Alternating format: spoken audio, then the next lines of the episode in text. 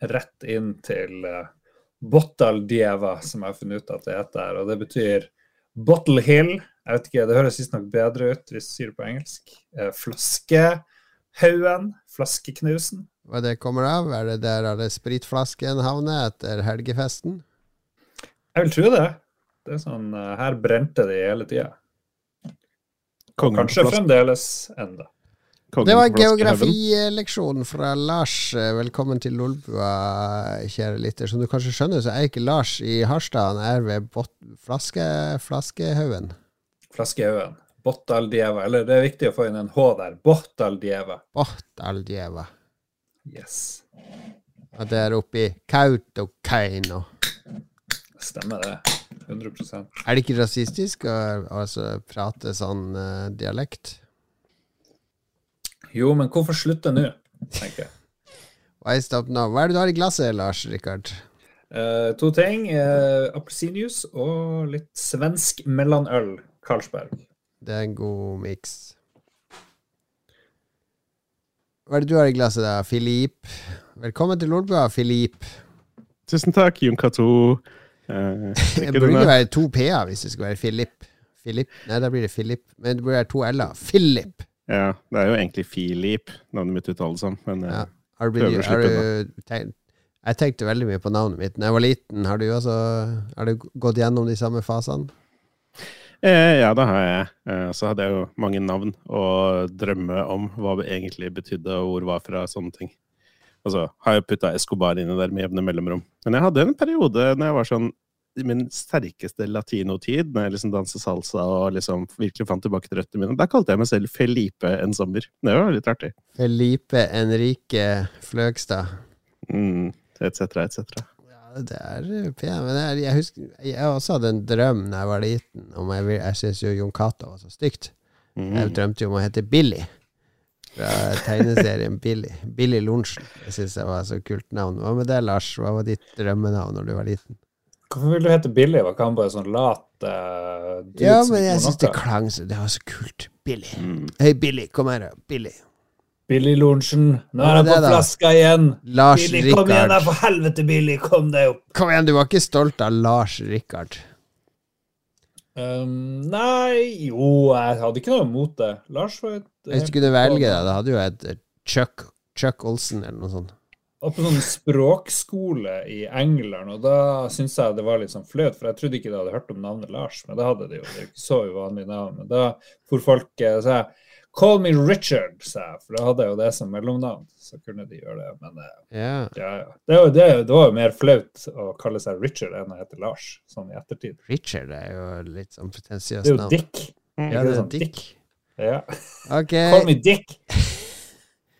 Dick, Enrique og Billy er klar til å underholde deg i en times tid her i uh, Lolbua. Vi er på, vet du hva jeg liker veldig godt med Lolbua spiller vi nå, Lars? Nei. At denne uka så er det episode 418 av Lolbua, og det er episode 118 av Spillrevyen. Hæ? Det er full oh. uh, Jeg vet ikke hva det kan Det er ikke synergi, men det er, vi er full uh, Det går parallelt. Det er to parallelle løp. Synkront. Ja, det er, det er noe synkront, så dette må vi holde ved like. Godt planlagt. Ja. Så nærmer vi oss 420. Det, skal vi get high uh, wasted på 420? Hva er planen der? 420 er det, det er sånn kode for narkotika, er det det? Er det det, Lars? Det er jo bare marihuana og sånne ting, er det ikke det? Ja, det er, det er, en, det er en, historie bak det, hvis du googler hvorfor det, dette 420 er en greie. Uh, kan eventuelt spare det til to episoder, men den er ikke så veldig spennende. Men jo, det er en uh, liten sånn herre Man putter det inn i profilen sin hvis man er litt sånn Å, jeg liker å røyke weed. Yeah, yeah. Mm.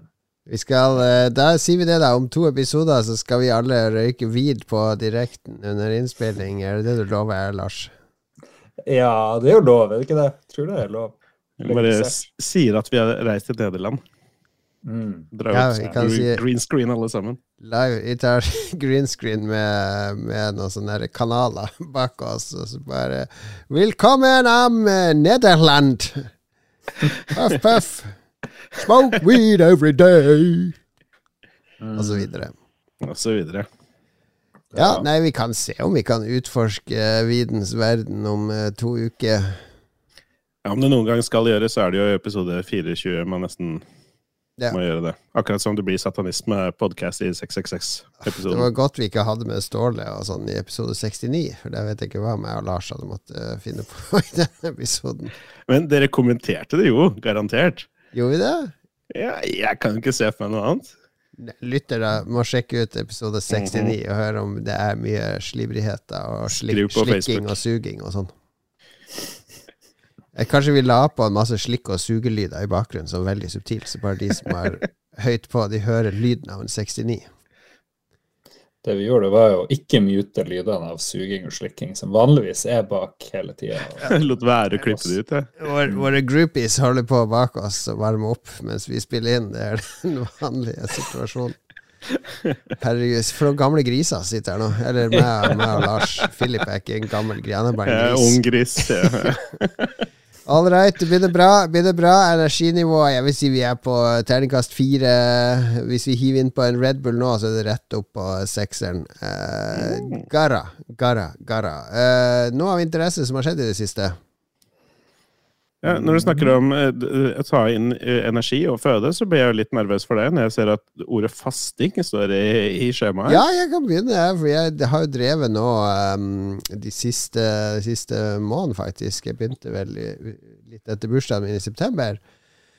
Så så jeg en video med en sånn her kjendislege, han, hva er det han heter, Wasim Sahid eller noe sånt, eh, som eh, snakka om fasting, og han mente det hadde positiv effekt, at du kan ha sånn faste vinduer. Det finnes sånne ulike vinduer. Du kan faste en hel dag, og så kan du spise en dag, og så kan du eh, faste en dag, eller så kan du Den som mange går for, den er 16-8-varianten, der du faster i 16 timer, og så har du 8 timer på å spise. Som regel mellom 12 og 20. Og så prøvde jeg den eh, prøvde jeg egentlig i våres. Egentlig funka det helt greit å kutte ut frokosten og så bare spise i sånn vindu på åtte timer. Eh, Det er ikke veldig vanskelig å hoppe over det ene måltidet. Men så er det en på jobb som har sånn Å ja, du har det vinduet? Ja, jeg kjører jo sånn 24-vindu. Eh, Spiser bare mellom 16 og 20. Så tenkte jeg ja, ja, det kan ikke være noe dårligere enn det. Så nå de siste to ukene så har jeg hatt 4-20 eh, fasting, eh, så jeg spiser bare mellom 16 og 20. Og det, kroppen min er fornøyd. Men rekker du to måltider på den, eller blir det liksom ett Oh yes, vi hadde Forrige uke så kom jeg hjem. Der sto min kone og lagde mat. Det var torsk og ris. Heiva innpå på to sånne torskefileter. Ris. En time etter så var jeg på Burger King og heiv inn pork cheese. Så det funka så bra, det.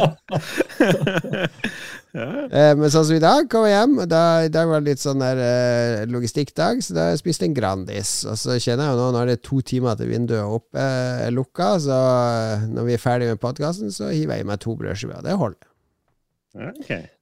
Litt sånn latskapsdietten. for det er liksom, du, du skal ikke gjøre noe mer. Du skal ikke drive og trene, og du skal ikke drive og tilpasse kosthold. Det er bare å la være å spise. og sykle og litt sånne ting òg, da. Men uh, teorien er jo, tror jeg, jeg er ikke noe ekspert, at sant, hvis, hvis jeg tar inn, inn en time og spiser fem Grandiser og drikker 20 øl, og får i meg sånn 10 000 kalorier på den timen, så vil jo ikke alle de 10 000 kaloriene bli gjort om til fett, fordi kroppen klarer bare å absorbere en liten mengde av det, og så er det kommet så langt ned i tarmsystemet at nå, nå må det bare komme seg ut.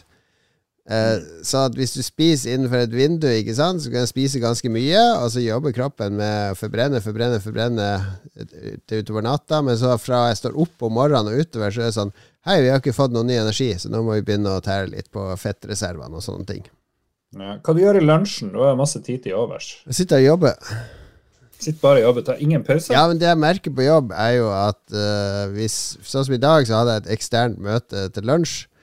Uh, og da måtte jeg ut. Og da ble jeg veldig sulten, for da går jeg forbi sånne steder der det lukter mat og sånne ting. Det er ute av rutina mi. Men når jeg er på kontoret, så er jeg, er jeg bare og sirkulerer rundt eh, kjøkkenet og plassen min og møterom og litt sånne ting.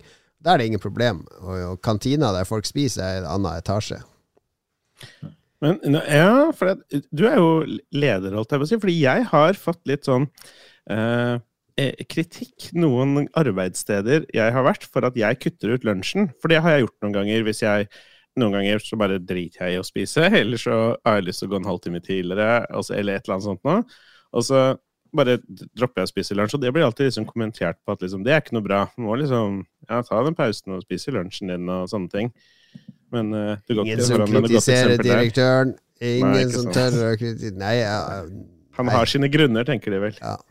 Men det er jo to forskjellige ting å ta pause og spise. Du bør jo ta noen pauser, tenker jeg. Det er jo ikke noe sunt. ja da, er pauser tar jeg jo. Og snakker med folk og drikker kaffe. Jeg drikker masse kaffe gjennom dagen, for det er jo bare vann, egentlig. Så nei, det går bra. Eh, Jeg er fornøyd. Det, så gjør jeg jo ikke det her i helgen, da. Så da spiser jeg jo frokost og litt sånne ting. Og det har jeg fått høre er ganske smart, fordi eh, kroppen er jo veldig sånn eh, tilpasningsdyktig, ikke sant. Så hvis du finner ut at nå skal jeg spise litt mindre og ditt og datt, så går du ned i vekt, og så begynner kroppen å skjønne Hei, jeg vet hva som skjer her nå.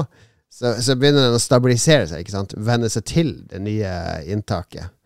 Eh, Men hvis du hele tida gjør, no gjør noen endringer i rutiner, så blir kroppen bare sånn What the fuck? Hei, hva skjer da? Hva skjer da? Jeg skjønner ingenting. Så da får du maksimal effekt hele tida. Det er i hvert fall teorien. Det blir spennende å følge med på mangelsykdommene og uh, humørsvingninger. Hvordan har humøret vært? Hvordan påvirkes det? Humøret er helt topp. Man blir bare hangry når man er vant til å spise jevnt. For da, det, er- da skal man ha påfyll av den der matnarkotikaen jevnlig, og så blir man litt sånn desperat. Mens når du, når du er vant til å bare spise i en liten periode, så er jo mye mer innstilt på det. Så jeg har ingen problemer med å ha møter sånn her klokka to og tre rett før de 20 timene er omme. Jeg spiser generelt bare lunsj og middag, maks. Og jeg er litt nysgjerrig på dette her nå. Du mest kaller nysgjerrig jo frokost òg for middag. Jo. Nei, jeg spiser generelt ikke frokost. Det har jeg ikke gjort på mange år. Jeg liker, jeg liker ikke Jeg er ikke sulten, jeg, tidlig. Eh, Enkelt og greit. Jeg spiser til og med lunsj sånn halv ett-tida, og det syns alle andre er veldig sent, men da passer det for meg. Det, det er jeg klar. Men å vente til klokka fire, og så Ja, det, det er mulig. Men uh, ja. Må du jo kutte inn ting om kvelden nå, det er jo ikke noe etter klokka 20 om kvelden. Nei, nei, nei. Men det Ja. Mm. All right. Har du mer spørsmål, Lars, eller skal vi gå videre til snekkeren din? Ja, jeg fikk melding fra snekkeren min i går. Han skrev Har du hørt om den dramatiske flyulykken? Jeg bare Hæ, måtte du gå inn på VG og ditt og datt? Det var ingen flyulykke i det hele tatt. Så spør jeg hva er det du snakker om, og så får jeg bilde av et sånt svært hull i kjøkkengulvet mitt. Hvor, uh, fordi vi har tatt bort gulvplaten på kjøkkenet, men nå var det liksom tydelig at noe har gått igjennom uh, takplaten i etasjen under, og masse plater er ødelagt, og det ser veldig dramatisk ut. Så jeg bare Har du datt gjennom gulvet mitt? Han bare Ja. Så han har For du må jo gå oppå de bjelkene, ikke sant, og prøve å ikke trø gjennom gulvet. For det eneste som som, som uh, beskytter, beskytter noe som helst, det er de her tynne takplatene. Og dem har han klart å trå gjennom, så han drev og hang opp i taket etter armene sine og holdt på å slå seg i hjel. eh, Stakkars. Er, det så, er det et så langt fall? Ja, en etasje er jo en To to meter? meter, og noe. Ja. Tre meter. Så Ja, det litt, jeg, kunne jo, jeg kunne jo kommet hjem til en kald snekker på gulvet, liksom. Det hadde ikke vært noe særlig. Så det var veldig dramatisk. Det var, det må jeg si. Men jeg kan jo ikke bare brenne den kåken. Er, alt er jo feil her. Det er jo ikke min skyld. Det Det er er ingenting som fungerer. Som feil Det er han- mora di sin skyld. Stevn henne for retten. Kjør det US-style. Det her var jo snekkeren sin feil, fordi Har- legger noe sånn her Har du, har du sånn snekker på 250 kilo? Er det derfor han går og tramper rundt på de gamle gulvene? Ja, men han fjerner, altså, Vi driver og bytter gulv, så gulvet var borte. Ja. Så det eneste som er å, holde Håper han ikke hører eh, på den podkasten der eh, du sitter og kaller han for feit. Det blir ikke mye eh, godt uh, snekkerhåndverk. Han er ikke feit, det er du som kaller han feit. Det Sånn feit fettshaming av min uh, korpulente snekker. OK, han veier 300 kilo. Nei, han gjør jo selvfølgelig ikke det. Han gjør ikke det. Men det, var, det er spennende. Ja, Så nå får jeg nytt tak kjempespennende. ja, Ja, Ja, det var jo litt spennende. Ja, så har varmepumpa mi så varmepumpa mi gått ad undas for andre gang på kort tid. Så det er jo eh, siste nytt fra Er det alt dette skjer jo når du har øka Altså, du har eh, fått en familie som har flytta til deg. Det er ikke en eller annen sånn samisk sjamanforbannelse som hviler over din nye familie, som bare eh, Ethvert hus dere bor i, skal forfalle totalt. Kan jo være noen som hater meg for at jeg har tatt Annegro fra noen, liksom. Det kan jo Mm, Kasta en curse på det. Mm. Ja, Ja. så det skal vi ikke se bort fra. Ja, for det gikk jo ganske bra med det huset ditt fram til du møtte henne, så vidt jeg husker. Du klagde aldri, og det var kjempebra hus da. Det var litt, det var litt vannlekkasje, og det var litt rare Ja, ting. men Vi har ti år med episoder der vi knapt har hørt en dritt om det huset hans, bortsett fra jeg som har klaget på at han ikke har gardiner og har pynta til jul hjemme hos han og sånne ting. Altså Med en gang han får seg samboer, så er det liksom Alt handler om hus. Rart det der. Det er Slutt å sånn. spille spill, er bare begynt å pusse opp og male og fikse og Skal lage rede. Det er det meste. Ja. Mm. ja, ja. Så det har nå skjedd. Så har vi kjørt opp fra Harstad til Kautokeino. Det tar en syv-åtte timer, jeg vet ikke hva det er høstferie. Høstferie, ja. Høstferie i Harstad. Høstferie i Kautokeino, mener du. Nei, det er ikke en høstferie, jeg tror det. Eller jo, kanskje. Jeg vet ikke. Men det er det. Hvorfor er det egentlig høstferie andre steder enn der hvor det gros poteter? Nei, det har jo bare blitt en tradisjon, men det er jo en gammel potetplukketradisjon som du har Ja, jeg fått synes med deg, jeg- Philip. Urettferdig at kommuner uten gårder som gror poteter, skal få lov til å ha høstferie. Ja, men det er en greie her. De, jeg vet ikke om det er noe som heter vårferie. De bytter i hvert fall ene ferien sånn til det rene er Vinterferie. eller noe som heter. ja, den, en, en av de feriene byttes sånn at det skal sammenfalle med sånn rein... Ja, Det hadde vært urettferdig hvis vi er på Østlandet og hadde fått regnuka uka for å ta Ja, inn ja, det er likestilling. Ja. All right. Takk. Takk for nok en uh, oppdatering fra ditt hus. Jeg gleder meg til du skal begynne å leve igjen, Lars. Jeg har funnet flere mus, da. Fant noe som noen tror er rotte, men uh, jeg tror det er mus. Yes. Det er bonus, Mm. bonus content. Bonus. Få det mener. Eh, det skjer masse ting masse steder i verden, og i huset til Lars også. Jeg har jo den der eh, iranske samboeren min.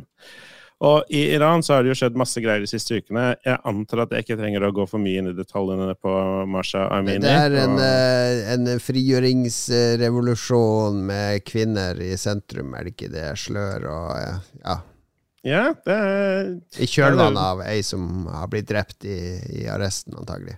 Ja, for det er det de håper på, da. Um, og Galleria forklarte det egentlig ganske ålreit til meg. Hvordan i, i slutten av 90-tallet så var det et opprør i, eh, på et universitet i, i Teheran. Og så ti år seinere var det et litt større opprør i hele Teheran. Og nå for fem år, år siden så var det et litt større opprør i sånn fem byer.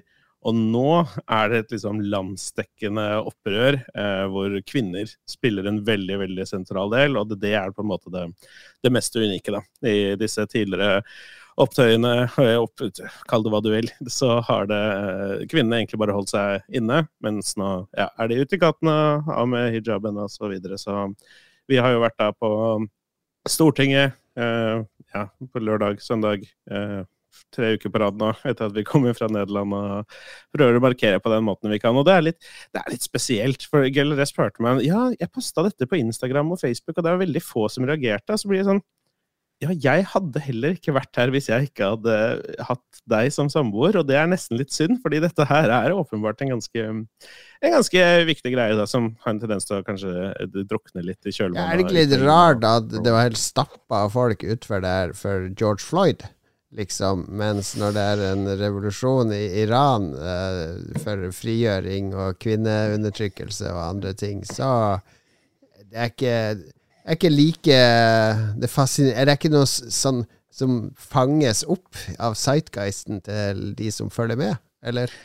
Nei, og det er litt det samme som når Gelleré spurte meg hvorfor det var ingen som brydde seg noe særlig sist gang. Det var opptøyer i Iran. Og så sa jeg liksom ja, nei, fordi det handla på en måte om bensinpriser. Og det klinger ikke like godt som at liksom en ung kvinne ble drept av moralpolitiet for å, ta, Mm. liksom for å ha på hijaben feil, på en måte. da. Så det er, liksom, det er jo noe der, og BLM eh, eh, Det klang jo veldig godt. eh, For det var en litt sånn verdensomspennende greie på flere måter.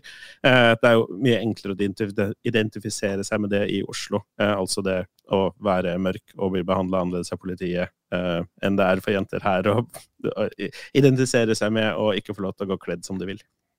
Har sikkert mye med at man forstår hva folk sier når de sier Black Lives Matter, og man kan se videoer av amerikanere man forstår språk til, som blir eh, dårlig behandla. Men det viktigste er at man mangler en sånn slogan, som du sier. Det er Black Lives Matter, det er jo kjempeslogan. Hva er, hva er slagordet i Iran? Det er jo det vi, vi må jobbe med det, da. Jobber med PR-en sin, syns du? Ja, men De gjør jo masse bra på PR, Fordi det er jo masse, kommer mye kul sånn kunst med sånne her flagg som er hår ikke sant, i vinden, og det er, er mange kunstnere i Iran, anonyme, som har laga mye bra eh, materiale, faktisk. Ja, jeg syns det har Eh, kommet veldig mye ut av men jeg har også fulgt med litt. Det er én fyr som lagde en sang som er sånn utrolig fin, hvor han har tatt masse tweets fra jenter som har tweeta med en viss hashtag, og så har han lagd det til en sang som er liksom veldig ålreit. Den fins her ute med noen subtitles også, ta søk den opp. Eh, men et stort problem er jo at de har jo veldig, veldig begrensa internett. Så det blir jo på en måte med, med det de kan. Eh, og så er jeg litt enig med Lars også, i den grad at når jeg er på disse demonstrasjonene som jeg har vært på foran Stortinget, så er det en del slagord liksom på persisk. Og jeg liksom prøver jo å jolle med så godt jeg kan, men det, sånn, det blir litt sånn halvveis. Men heldigvis er liksom Masha Amini er, Navnet på denne jenta er, går igjen. Og det er ganske lett å rope, heldigvis. Ja, nei, vi eh, støtter jo selvsagt eh, kampen, selv om vi ikke gjør mer enn å sitte her og, og prate om den. Eh, dessverre. Men det er bra at du og kjæresten din er ute og står på barrikadene. Det fikk jo litt oppmerksomhet når eh, 80-90 folk gikk amok utenfor den iranske ambassaden og ble taua inn av politiet. Ja, da sendte faren min en litt bekymra melding og lurte på om vi, om vi var der, men det, det var vi ikke. Og jeg skal ikke gå for mye inn på det, men Iran består av litt forskjellige typer folkeslag. Eh, I stor grad persere og kurdere. Eh, og eh, kurderne har vært i Norge veldig mye lenger. De er, veldig, de er mye mer organiserte enn det eh, perserne er. De har liksom flere organisasjoner og sånn, som jobber for de foreninger og slikt. Og de har et ekstra enormt problem med visse deler av Iran, og spesielt den iranske ambassaden i Norge og sånne ting, som gjør at de, det var i stor grad de som, de som var der. Og det var dessverre litt dumt, men heldigvis har vi Jenny Skavlan på Instagram for å, for å veie opp for det. Sweet. Noe mer eh, du vil legge til? Hashtag Masha Amani. Ta og Del det på Twitter og sånn. Det er det minste dere kan gjøre.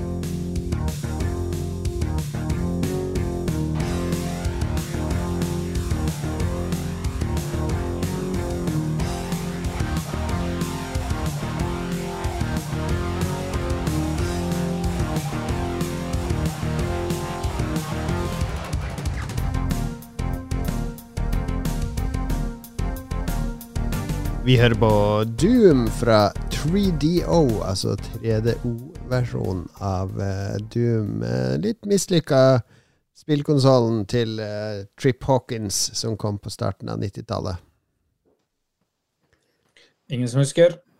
Ja, en magisk tid hvor det bare dukka opp masse forskjellige rare konsoller som så kule ut, og de helt tøffe ting og sånt. Men nå var jeg seks år, da, så det var veldig spennende. Jeg husker det var reklame i magasinet Edge. Når jeg hadde vært og kjøpt det, det åpna opp, så datt det ut noe fjær fra midten av bladet. Noen hvite fjær. For det, for det var en reklame der det sto 'Don't be a dodo, get a 3DO'. Og en dodo er jo en utrydda australsk fugl, hvis jeg husker rett. En sånn eh, strutseaktig stor fugl. 3D-en så jo veldig kul ut. da. Den var sånn Mm. svær og massiv. og Det så ut som den var kraftigste tingen i verden. Men Ja. det var vel eh, Fungerte vel like bra som en dørstopper osv. Det var jo Need for Speed og Doom og et par spill som kom eh, i starten. Road Rash tror jeg var stort på 3DO, men jeg floppa helt. Jeg har en kompis som hadde det når den kom, og spilte masse på den i et halvt års tid. Ja, det Eh, på et tidspunkt må man ha en sånn derre videospillmagasiner fra 90-tallet-episode. Om det ikke har vært alle, dere ikke har hatt Når det kommer, bare vent uh, Ja, to, bare vent sånn 40 episoder, så er vi inne på 90-tallets spillmagasiner. Å, da blir det bra. Uh. Da blir det bra. Rai, rai. For da Ja, vi er ikke i den spalten ennå. Fordi nå er det i spill siden sist uh, spalten. Og eh, vi pleier å begynne med, med Lars, fordi der har vi så lave forventninger, så blir det bare bedre etterpå. Men har du sp spilt noe nytt nå, Lars? Du lovte vel å både spille og streame Trombone Champ. Det har jeg venta i spenning på. Ja, det var en 24-timersstream. Rart du ikke fikk med deg den med trombone. Jeg hadde med meg Janni Scharn, og de visste live trombone. Så det var veldig bra. Men det jeg har spilt mest i dag, det er jo Cave Story. I dag, ikke aka den siste uka. Du nødspilte nå, nå eh, rett før sending. Nei, nei, det var, ble faktisk et par timer. Ja. Eh, Det ble det. Og Er det det på Switchen du spiller Cave Story? Switchen som er med meg. Og det jeg trodde det var at jeg hadde jo ikke begynt på det Cave Story, men det hadde jeg jo. Jeg hadde jo bare glemt det. Men eh, det, det, da fikk jeg fortsatt på det. Fantastisk eh, lite spill lagd av en sånn enmannsutvikler. han eh, Ja, den. Daisuke, Daisuke Ja. Amaya. Ja, jeg tror de kalte han Pixel òg, men eh, det funker veldig bra fremdeles. Det ser jo ut som et spill som kom i år, da. Det er jo uh, fordel med pixel-art og Mm. Metroid-sjangeren og alt det der. Så jeg ser jo at det har påvirka mange. Jeg tipper at det, det har påvirka sånn Undertale, eksempel, og litt sånn den typen. Ja, for den, er det noen år siden dette kom ut originalt? 2004. Ja, riktig. Mm, jeg Ja. syns jeg husker det var en big deal når- på et tidspunkt. Det var et av disse tidlige indie-spillene, ikke sant. Det var ikke vanlig med indie-spill i 2004, men uh, soloutviklere de holdt jo på og egentlig definerte sjøl hva de ville lage, og det er jo veldig mye sånn referanser til spill eller til uh, De prøver jo ofte å gjenskape eh, Sette sammen en mosaikk av inntrykk fra spill som de har likt. Så eh, dette var jo en av de første som virkelig slo gjennom. Ja. Så, så jeg starta det på nytt, for jeg starta på nytt, da, for jeg sa det ikke kommet så langt. At uh, du kunne velge easy, normal og hard. Og easy var sånn Ja, anbefales for du som skal spille Cave Story for første gang. Og jeg skjønte jo på nytt hvor deilig det er å spille spill på easy. At du liksom slipper at det skal være så jævlig bittert at du må holde på tusen ganger. For selv på easy så er det mye sånne spikes og sånne one-hit-fiender som gjør at du dauer med en gang. Det er veldig slitsomt å skulle drive og styre, styre så mye med det. Og så er det deilig å ta bosser på første forsøk. Det anbefaler jeg. Spill alt på easy, folkens. Det, er livet for kort til å sitte og gnukke altfor lenge. Word. Mm. All right. Jeg har spilt uh, Jeg har uh, kommet tilbake Nå er jo uh, Formel 1-sesongen i gang igjen. Jeg har vært løp i Singapore i helga. Litt spennende løp, men ikke ja, Det er jo gøy- når det er noen andre som leder og vinner enn Max Verstappen hver gang. Mm. Så det var jo litt spennende, men da jeg blir jo inspirert når jeg ser det, og så begynner det å klø i reisefingrene og eh, pedalbeina mine, så jeg har vært og simma litt igjen i Formel 1 22. Eh, Det kommer jo stadig oppdateringer til den, som driver og adresserer litt sånn der eh, handling og issues og her og der. Eh, og jeg er jo fortsatt ikke verdens beste Formel 1-kjører, men jeg kjører jo uten hjelpemidler fortsatt. Jeg har kjørt litt i Singapore, jeg driver og kjører i Baku nå, jeg har kjørt masse i Spania, den banen ved Barcelona. Uh, og nå er jeg kommet på nivå, Noen baner begynner jeg å kunne ganske bra, så at jeg kan kjøre runde på runde feilfritt i, eh, i eh, eh, Hva heter det? Time trial. Og det er en ganske gøy mestringsfølelse, når, banen, når du begynner å få banen under huden. Fordi da er det ikke Når du, begynner, når du lærer en bane, så er det sånn herre OK, ok, sving, sving, sving! OK, rett opp! Brems, brems! brems og så sving! Det er litt sånn Alt, alt blir sånn her overdrevne, brå bevegelser. Du må ha sånn fokus på alt. Men når de bevegelsene, det er jo det å lære banen handler om, når det begynner å sitte sånn naturlig, så begynner man å tenke litt på andre ting mens man kjører, og optimalisere svingene og sånn. For da er ikke det stresset der med hvor var det jeg skulle bremse, eh, hvor var, hvordan var det bilen skulle ligge, når var det jeg kunne begynne å svinge. Det er ikke det som dominerer. Det kommer av seg sjøl. Så jeg føler jeg er i ferd med å komme til det neste nivået på noen utvalgte baner. Der jeg, jeg eh, på en måte kan nesten kjøre banen i blinde, og nå har jeg bare begynt å perfeksjonere svinger. Så eh, jeg gleder meg koser meg stort med å kjøre. Har eh, eh, dessverre begynt å, å, surfe på nettet etter eh, en oppgradert simrig og sånne ting, for det koster jo titusenvis av kroner. Men det, det, det, er lov å drømme, da. Mm. Hvor mange, hvor mange, runder tar det deg å få det under huden nok til at du føler at Da må du sånn? kjøre uh, over 200-300 runder på en bane. Ja, det er noen, noen timer, det. Ja, det er mange timer. Men det er jeg vet ikke hva jeg skal si du får igjen for det. men Du får en mestringsfølelse. Du gjør jo det, da. Ja, ja. Ikke sant? Med å, å se at ti, dine forbedrer deg. Altså, det har ser på noen sånne youtubere som jo er sykt flinke, ikke sant? som er på topp ti på de time trials i verden. Og de, de kjører helt sjukt bra i forhold til meg. For nå har jeg kommet på det nivået der jeg kan se hva de gjør, og hva jeg ikke får til. Ikke mm. Mm. Og driver og ser på setups, uh, for du driver og stiller inn vinger og uh, lufttrykk i forhjul og bakhjul og bremsebalanse og alt sånt. Alt det kan du drive og justere. Der driver jeg egentlig mest og kopierer andre sine setups, for jeg driver ikke så mye og fikler med det sjøl.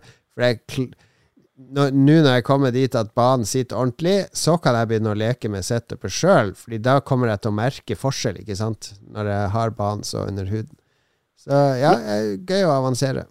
Men du spiller enn så lenge liksom mest aleine, trial-ting, eller uh, hvordan er det når du spiller Grand Prix, er det mot AI? Jeg har en sånn karrieremodus der jeg har mitt eget lag, ikke sant, og der driver du og researcher nye deler til bilen og oppgraderte deler og sånn, så jeg spiller jo alene for det meste. Men da spiller du mot AIs, på en måte? Ja. ja. ja riktig. Ja, du, hvordan er det når du går online, eventuelt? For da blir det på en måte Ja, da spiller du liksom- mot andre spillere, og da er det ofte litt kaos. Uh, men så De har gjort noen smarte ting, sånn at hvis en spiller spinner rundt, så, kan, så blir bilen uh, uh, transparent. Altså, da krasjer mm. du ikke i den. Så folk som spinner rundt, eller bremser med vilje og sånn, da kjører du bare gjennom de. Men sånn annen duellering og sånn, da er bilene fysiske. Så de har gjort mm. sitt for å Det har vært så mye griefing i sånne spill. Folk som bare er inne eh, halvfull og skal, nå skal jeg bare smashe inn i de andre bilene. Nå skal jeg stå her og så vente på han som leder løpet, og så bare kjøre rett inn i han når han kommer i denne Hornholsvingen. Så de har gjort alt for å liksom eliminere de som bare driver og fucker opp, for de som prøver å kjøre ordentlig. Så Det er gøy nok, det, da, men det gir meg ikke like mye Kanskje nå når jeg begynner å bli god på de banene, at jeg får noe igjen for å gjøre det. Nei, vi har drevet liksom noe med kompetitiv liksom, spilling i liksom, mobile og Tekken og sånne ting. Ja. Det er jo noe det å legge masse timer inn ting, og så blir du litt og litt bedre, som en, definitivt er en greie. Og Det var litt spennende å høre om det i en type singleplayer-type måte, hvor liksom spillet i seg selv er så dypt at Ja, fordi det er jo det å beherske den banen, enten det kjører singleplayer eller multiplayer, så er det jo samme bane. Det er samme mm. traction, og det er samme uh, setup på bilen og alt sånt, så det, det, har ikke så mye å si. Men jeg, vet, altså, jeg er jo langt fra så god som f.eks. Tor Steinar i gamer.no. Han har jo kjørt eh, Formel 1 i mange mange, mange timer og driver og, og konkurrerer på nett. Og mm. hans rundetid, når jeg ser på uh, time trial-boardet, er jo Han er jo et par sekunder foran meg på mine beste baner, så jeg har masse å hente der. Hvordan er det versus Tore, vår hvem som Tore slår alltid meg i bilspill. Uh, Tore er sånn at hvis du setter en rekord i et bilspill eller i det trials eller noe sånt, så kan han sitte i tolv timer bare og spille den banen bare for å slå den med en hundredel. Jo, men jeg kjenner jeg liker det der. Det er jo en vanvittig motivasjon. Det er veldig bra. Ja, du har nettopp argumentert for at man skal spille på easy fordi livet er for kort. ja, men det er singleplayerspill. Selvfølgelig er det ikke multiplayer. Ah, okay, Mm. Ja, men det, Ridge Racer. Hva med deg, Philip? Er det noe du har spilt? Jeg har det. Jeg har ikke jeg må, jeg, Det er selvfølgelig dårlig, fordi jeg har, vi snakket, har vi snakka ordentlig om da du var i uh, VM i Tekken, eller hva nå enn det var for noe? Eh, så godt som VM. Ja, det var en uh, kvalifikasjon til VM, i hvert fall. Uh, jeg vet ikke om jeg tok med selve turneringa, fordi jeg drev og spilte det en del, som jeg snakka litt om. Men det var jo i da for, for, for forberedelser til kvalifisering til VM i Tekken 7. Mm. Jeg hadde ikke noe håp om å kvalifisere meg, men siden jeg er med å arrangere det som et av styremedlemmene i Norges e-sportforbund, så tenkte jeg hvorfor ikke? Det er en artig greie, og da blei det en god del timer med, timer med Tekken. Og Jo Cato, gjett hvilken karakter Philip valgte. Han, han, tok selvfølgelig ikke og valgte Eddie. Eddie. Den enkleste karakteren. Eddie var en buttonmash med Eddie. Ja, ja, det var ikke det du tok. Jeg orker ikke det her. Jeg orker ikke det her. du valgte Eddie. Du gikk rett for det mest cheesy fyren ever. Jeg vet ikke hva dere snakker om. Ingen idé. Eddie har en spesifikk spillestil som jeg liker. Ja, det er spillestil. Ja, ja, Her er spillestil. Nei, det er ikke spillestilen. I det hele tatt. Han spiller et veldig ranged game. Masse distance. Det gjør han. Poking. Så var du ikke sånn superproff for plutselig gikk du tom for batteri liksom, midt i en kamp. og sånn. ja, det sugde jo litt. Det du fikk med deg det. Jeg, streama jo alt dette her, selvfølgelig. Jeg hadde jo planer om å streame all treninga òg, men det ble jo mest i practice mode for å trene på komboer, på en måte.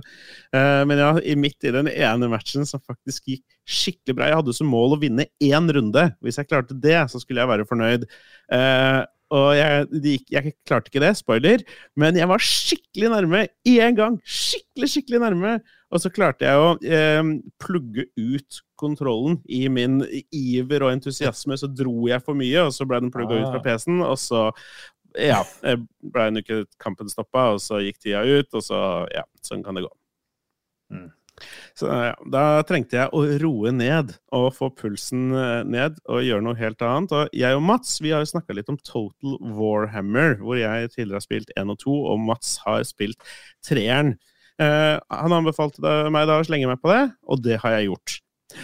Så utfordringa er at Mats allerede har snakka masse om Total Warhammer 3 og jeg ikke har klart å spille noe annet enn Total Warhammer 3 på type tre uker, for jeg er så opphengt i det spillet. Ja, det er så gøy. Det er sånn, jeg snakker jo om dette type, konseptet bare én runde til, og Total Warhammer bare klør den skikkelig godt. Du har bare bare én kamp til, bare én liten runde til, og så bare skal jeg gjøre denne tingen, og så gir jeg meg, og så fire timer senere så har du sittet der og klikka og klikka. Kjempeartig. Men ja, liker jeg Warhammer og sånn, da, så det er rett opp min gate. Sweet. Uh, jeg har et spill så... til jeg kan ta før du tar ditt siste. Jeg har nemlig også spilt uh, det nye Raw Fury-spillet Domekeeper, um, som kom forrige uke. Så helt ferskt, helt nytt. Vi er ikke bare sånne oldies som spiller gammel drit fra 2004 her. Vi spiller nye ting òg. Domekeeper, har det noe med at du er en sånn gammel mann som begynner å få sånn enorm måne, og så skal han beskytte den? Folk skal ikke se hans måne? Litt sånn som hårvekstsimulator. Kunne vært mm. Du lander på en uh, fremmed planet, og så bor du inni en sånn uh, krystallhalvkule uh, som du har satt opp over bakken, der du har ditt habitat. Og så kan du gå ned i bakken og grave deg ned, og basically bare grave sånne, ut sånne blokker. grave en tunnel nedover og bortover, og ja, finne steiner, mineraler, andre ting. kan finne artifacts og sånne ting. Så du da må taue med deg opp tilbake til uh, domen din. Og så blir disse om til ressurser som du da kan bruke til å kjøpe oppgraderinger. F.eks. sterkere skjold på domen, eller noe sånn auto-defense-ting, eller eh, at du er raskere, eller at du greier Drillen din blir kraftigere, osv. Fordi det som skjer, er det er sånn klokke som tikker ned. så når den kommer ned, så kommer det masse aliens og angriper den domen din prøve å knuse den for å drepe deg. Og Da må du opp og bemanne en sånn kanon og skyte de, og så kan du gå ned og grave videre. Så det, det, er, sånn, det er det som er loopen, da. Utforske, grave, oppgradere ting, skyte ting. Og det funker egentlig bra, men det er litt sånn der uh, Ser litt kjedelig ut i lengden. Ja, det er litt sånn småkjedelig, rett og slett. Jeg sliter med motivasjon uh, i det spillet, fordi det det er ganske avslappende. Det er et sånn jeg ligger på sofaen-spill. Uh, Uh, men så går litt lei av den core-loopen uh, etter hvert. Og nå har ikke jeg spilt det mer enn en times tid, da. Jeg kjører en Lars-review her. Mm -hmm. Men uh, det er Det er, er gøy. Det er gøy core, men det, jeg tenkte at det, det kanskje skulle vært et eller annet mer her. Altså det Ja. Et eller annet insentiv for å fortsette, et eller annet som gjør at du finner noe, eller du løser et eller annet som gjør at du skal reise videre, eller noe sånt. Eh, så det er, ikke, det er ikke nok variasjon, rett og slett. Det kommer flere og flere fiender, ser det ut som, men det er sikkert sånn basen din skifter noe særlig karakter, selv etter en times tid i hvert fall. Og sånt. Så det, er litt sånn, og så er det bare å gå rundt og grave, og du har ikke noe mer har ikke noe bedre utstyr etter en times tid, liksom, virker det som, heller, særlig. Så jeg vet ikke. Ja, litt ensformig, kanskje. Ja, det er litt ensformig, syns jeg. Men det betyr ikke at det er dårlig. Altså, det koster jo 120 kroner, og øh, jeg, jeg kommer nok til å spille det litt mer. Jeg har nemlig en, øh, en spoiler for neste episode. Jeg har en Steamdekk på vei. Så det her er et sånn perfekt Steamdekk-type spill, ikke sant. Eh, Mm. det, er, det er ikke noe jeg sitter på PC-en min i kontorstolen og spiller, men uh, ligger på sofaen med Steamdekk. Jeg tror det er et marked for det spillet der. Så jeg skal re-reviewe det neste uke når jeg har spilt det litt på Steamdekken. Er det Early Access, eller er det liksom ferdig, det spillet? Jeg tror ikke eh, det er, det er ikke Early Access. Det er liksom ferdig. Mm. Ja, ja. Nei, det, jeg har jo bare sett litt på video. Men Men veldig fin eh, sånn pikselgrafikk, så det kommer du til å elske, Lars. Hvis du skulle spille det. Kommer sikkert på Ja. Switch en eller annen gang, så da kan du jo vurdere å kose deg. så har det jo litt sånn nesten eh, lånt fra X-Pilot, det ikke det, da, men du driver og drar med deg masse ting etter, liksom. Det der, Ja, barnet. det var Trøst på Commodore 64 som gjorde det, og Solar Jetman før X-Pilot. Ja, ja, Men, ja. Jeg skjønner hva du mener. Ja. Du har et spill til, eh, Philip, du vil ta på slutten. Jeg satte opp mest fordi jeg ikke hadde noe å si om Total Warhammer 3, som Mats allerede ikke har sagt, egentlig. Men så fikk jeg snakka masse om Tekken. Men jeg kan nevne at eh, mens jeg var i Nederland på min bursdagsuketur, som dere fikk se masse av på vår eh, eksklusive Snapchat-gruppe, eh, så spilte jeg et nytt eh, brettspill som jeg ikke har spilt før, og det syns jeg var ganske artig. Det het eh, Mur eh, Deception. Murder in Hong Kong. Å, er det sånn der der en er morder og sånne ting? Sånn som Lars elsker, sånn der social deduction-spill. Jeg elsker jo sånne ting. Jeg synes det er helt fantastisk. Secret Hitler er jo mitt all time Ja, favorite. jeg har sjelden sett. Lars så sur og stressa og mutt som når vi spilte Blood on the Clock Tower på hytta. Og uh, det er jo ikke noe gøy å sitte og lyge! Jeg blir jo anklaga hele tida! jeg blir jo drept hele tida. Og jeg ble så stressa. Jeg er sikker på at du hadde sånn 140 i puls mens vi drev og Ja, ja, Ja, det er gøy. Ja, Det passer ikke for alle, Lars. Jeg syns det er helt i orden. Jeg, vi hadde også en kompis som vi slutta å spille det med fordi han syntes ikke det var noe artig. For hver gang han trakk et kort og så på det, hvis han ble slem, så bare lyste det av med en gang. Og så bare Å ja, han er Ok, du er. Altså, han bare «Ah, Det er ikke noe gøy når dere skjønner det med en gang! Og da avslørte han jo det, selvfølgelig. ikke sant? Så da, ja. Nei, det er ikke for alle, det er greit, det. Men Deception Murder in Hong Kong handler kanskje nesten mer om å bare behandle masse data i hodet sitt. Ehm, det er et en er morder, noen er etterforskere. De fleste er helt uskyldige mennesker, og så skal man forstå hvem som er morderen. Og, um, det er ikke så mye ljuging. Det er kanskje mer eh, fordi det handler om å, å, at man får utdelt beviser som tilhører seg. Og så skal etterforskeren knytte disse bevisene til morderen. Så da er handler det mye mer om å se sånn Å, kunne han brukt kniven til å gjøre en sånn type ting? Vel, det maker mer eller mindre sens, basert på hvilke beviser som er der ute. Det er altfor komplekst å snakke om i en spalte som har vart altfor lenge, men eh, det får fire pluss.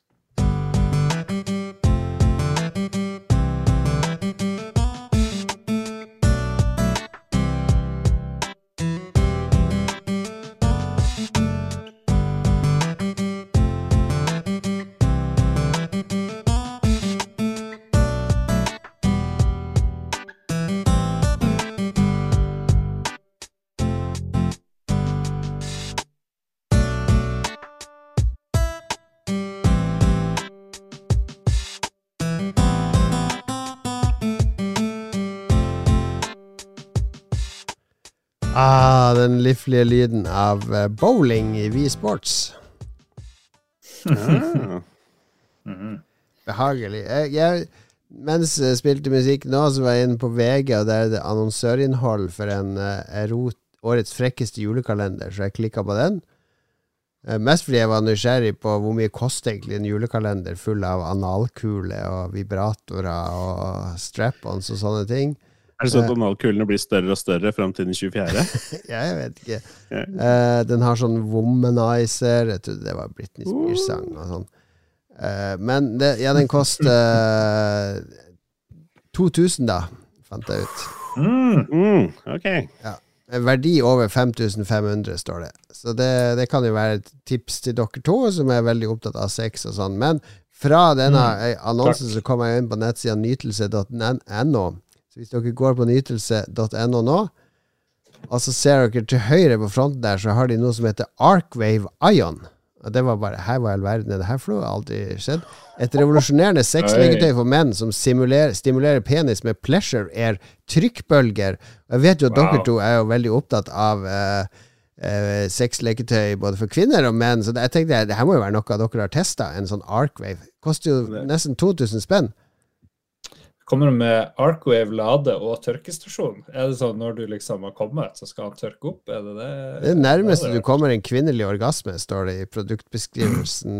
Det Ok. Jeg, jeg, jeg, sitter og ser på video, men er det sånn at du liksom setter den på penis, og så trykker du på on, og så bare slipper du, og så Smart mm. silence mode, ja. ja. Det kan jo være Den er sikkert kjempebra. Hvis, jeg vet ikke, jo mer Hvis du klikker på de produktbildene under der, ikke sant? Der er det produktet, der er produktet på senga, så er det en uh, svart dude i bar overkropp som står i dusjen med den, og så står han og skyller den i vasken, og så på neste bilde Han sitter og spiller PlayStation mens det står sånn casually på bordet foran det er det dårligste Det er det dummeste produktbildet jeg har sett. Ja, jeg, skal bare, jeg skal bare spille litt Fifa mens jeg venter på å ta en runk etterpå. Ja på en PlayStation 3. Du ser at den passer fint inn i stua, da. Er, ja. Liksom- Men kan ikke vi, tror ikke vi klarer å skryte på oss og få sponsa en sånn til en av dere, så dere kan teste 20, 20 rabatt. Vi gjør innhogg i budsjettet for det, vel? Ja, eller så kan man jo kontakte Nytelse.no og si hei, jeg er med i podkast, vi har 3000 lyttere. Det er, det er 98 menn, og dette er kjøpesterke menn. Jeg er sikker på at dere vil få i hvert fall 20 salg av Arco Ion Pleasure Airstroker. Og skal teste den live eh, mens vi spiller inn, da. Naturligvis. Uh, prisgaranti òg har det. Ja, det har de òg. Ja, Lars, melder du deg? Jeg tenker at Jo mer avansert de der sexleketøyene er, jo mindre gidder man å bruke dem. Sånn ja, Men det her burde jo vi teste, da. Jo, jo, nei, hvis jeg får en sånn, så Men jeg lurer, får lyst til å be han Ståle spørre om det der. Jeg, har ikke, jeg har ikke baller nok til å drive og, og tigge til meg noe sånt sexleketøy. Det er sånn som han gjør. Ok, Ståle, du, jeg vet du hører på. Du fikser dette. Jeg har adressen til Lars. Vi fikser dette sammen til Lars. Julegave i boks og prime content til en fremtidig Kan ta det i en Roffelbua-episode, da, så ikke alle får høre orgasmen din, Lars. Kjenner jeg blir litt flau her, altså. ja, det er bra. Er du som bruker det? Er du som elsker å snakke om sex og sånn? Det gjør jeg jo. Ja, prøver å fri meg. Free your mind. Jeg må ha litt mer RGB-lys på min. Eh, veldig kjapt så har jo, du nevnte det, julekalender. Det er jo, jula er jo full gang, så godt som. Eh, det var jobbfest i kantina vår på fredag nå. Det var det L'Occitane, et sånn stylish hudmerketype kjede, som eh, hadde sin julekickoff. Fordi nå og ut i året så er det bare jul, jul, jul. Mm. Det er. Det er jo ikke lenge til jul, da. Det er ikke det. Men eh, det skal ikke handle om jula nå. Vi er nemlig tilbake i tid til vår nye spalte, de 400 beste spillene fra de 40 siste årene, eh, der vi har kommet til mars 1986. Og det var en eh, begivenhets... Eller en tragisk måned i Norge, da. Fordi i starten av mars, 5. mars, så var det Vassdalsulykka. Og vi fra nord husker den veldig godt, for det var det var en haug med vernepliktige soldater som var ute på øvelse oppe i fjellene eh, nord for Narvik. Og så gikk det et snøskred, og de daua jo hele gjengen. Ble tatt av snøskred. Opp mot Grattangen der, liksom? Ja, jeg tror det var oppi der. Og det, jeg husker jo veldig godt, for jeg var jo i militæret i 91, og da var de jo livredd for disse vinterøvelsene. Så vi hadde jo masse sånn snøskredtrening og trening på å lokalisere folk etter snøskred og gå og stikke sånne pinner og gå med hund og, og sånn. Så de var veldig var på at vi ikke skulle ut og kjøre beltevogn eller gå på ski og sånn i steder der det var den minste sjanse for snøskred. Jeg tror jeg hadde glemt det da jeg var i militæret noen år senere, for da var det bare ja, ja, vi skal kjøre med beltevogn rett opp det fjellet, og så peiser vi på. Rett, husker du det av Markulio? Rett opp og eh, Når vi drar til, til fjellen, Fest fest hele hele kvelden. kvelden. Åh, han var, var svensk hiphop på sitt beste. På sitt aller, aller beste. Han hadde så svær nese, han der Markus. En sånn enormt nesegrev. La oss Typisk ikke bli antisemittisk. Jeg har ikke sagt noe om hva slags eh, opphav han har. Det var Du som dro fra det det! er umulig å ikke se det. det, Ja, jeg så jo Kate bare sikla Céline Dion òg, hun har enormt nesegrev. Det må jo være lov å si. Visste du at Céline Dion har åtte søsken? Uh. Det er jo Alicia Dion, Berit Dion, eh, Terje Dion, Lars Dion. Sennep Dion? Nei. Eh, Ja, Sennep Dion. Men 14. mars 1986, nok en tragisk ulykke. En garnbåt som synker opp i Nord-Norge. Tre stykker omkommer. Og det jeg stussa med her, var at den båten heter Thai-gutt. jeg, jeg leser jo det i notatene. Thai-gutt synker. Ja, de- har kalt uh, I quotes. I hodet mitt nå så tenker jeg dette er fiskere, drar til Thailand to ganger i året. Uh, har seg nede i Pattaya, eller hva det heter. Du har jo vært der nede, Lars, og gjort Fått research. seg en thai-gutt, gidder ikke å huske hva han Ja, Så drar de opp, og så døper de båten sin til Thai-gutt. Hva, er- hva slags navn er det på en fiskebåt? Jeg har fått en stesønn, jeg skjønner ikke hva det heter. Vi kaller han bare thai-gutt, og det, vi lukker alle båten etter det. det. Ja. Den synker i hvert fall, og det omkommer tre fiskere. Han hadde vel spurt rundt da de andre fiskerne kalte båten sin opp etter kodene sine som de elsker. Og hva elsker du? Thai-gutter. Så da ble det thai-gutt. Kanskje. Ja, det var en sånn megapedo, faktisk. Ja, nå går, det, nå går vi av streken her. Nå må vi Ro oss, ro oss tilbake til Megapedo? Ja. Jeg tror megapedo.no er ledig, skal vi se. Der har vi julegave til Lars. Det det ditt eget domene. Megapedo.no. Jeg vil ikke ha det. No. Jeg skal kjøpe det, den så skal det lede rett i Harstad. Jeg skal jo få den der air pleasure-greia. Megapedo.no. Men eh, 20. mars Apropos så skal vi Det er ikke apropos, da blir vi saksøkt av etterkommerne til Jacques Chirac, framgående statsminister i eh, La France eh, 20. mars. Og bare åtte dager senere, da blir Lady Gaga født. tilfeldig? Ja, jeg trodde Lady Gaga var mye eldre enn at hun er født i 86. Ja, apropos uh, ingenting. Hun, husker dere hvor mange som mente hun hadde penis, og at det egentlig var en gutt? og- Hun har jo et stort nesegrev. Det har hun òg. Ja, nå er vi der òg. Det er sånn neseepisoden. Det er lov å snakke om store neser. Det er Lady Gaga nose. Det er ganske stor. Stakkars Lady Gaga. Mm. Og hun har tatt eh, sånn der nosejob, faktisk, for å gjøre den mindre. Nei, mistenksomt. På av folk som oss sitter og skal kommentere den nesen hele tida. Det er ikke Det, det er jo et kjennetegn, ikke sant? Det er jo som at eh, jeg er tynn i håret. Skal jeg ta meg lære av det, liksom? Ursäkta Markulio, hvis ni hører lyssnar til denne podkasten. Jeg må google Markulio. Jeg har vært på konsert med Markulio, har dere det? Nei, men jeg har veldig lyst. Hvis du googler det, så er det jo We Love the 90s snart her i Oslo. Og hvis det er noen som har lyst til å være med, så må de si fra. Det blir kjempegøy.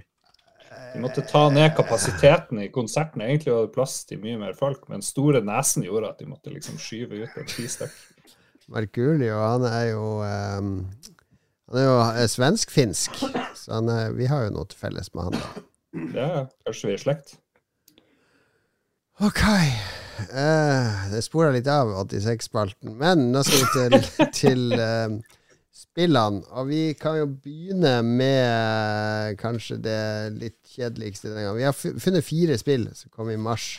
84, eller som cirka kom i mars 84. 84 var ikke 86 nå? 86, 86, sorry, sorry, sorry. sorry. Og det er et selskap som heter SSI. Jeg vet ikke om dere husker de. Strategic eh, Hva var det det sto for noe? Sexual innuendo. Statens seruminstitutt er det i Danmark, men det er ikke det vi er ute etter. Statens Serum Det er det, Institutt. det. Vil de, ha lille serum?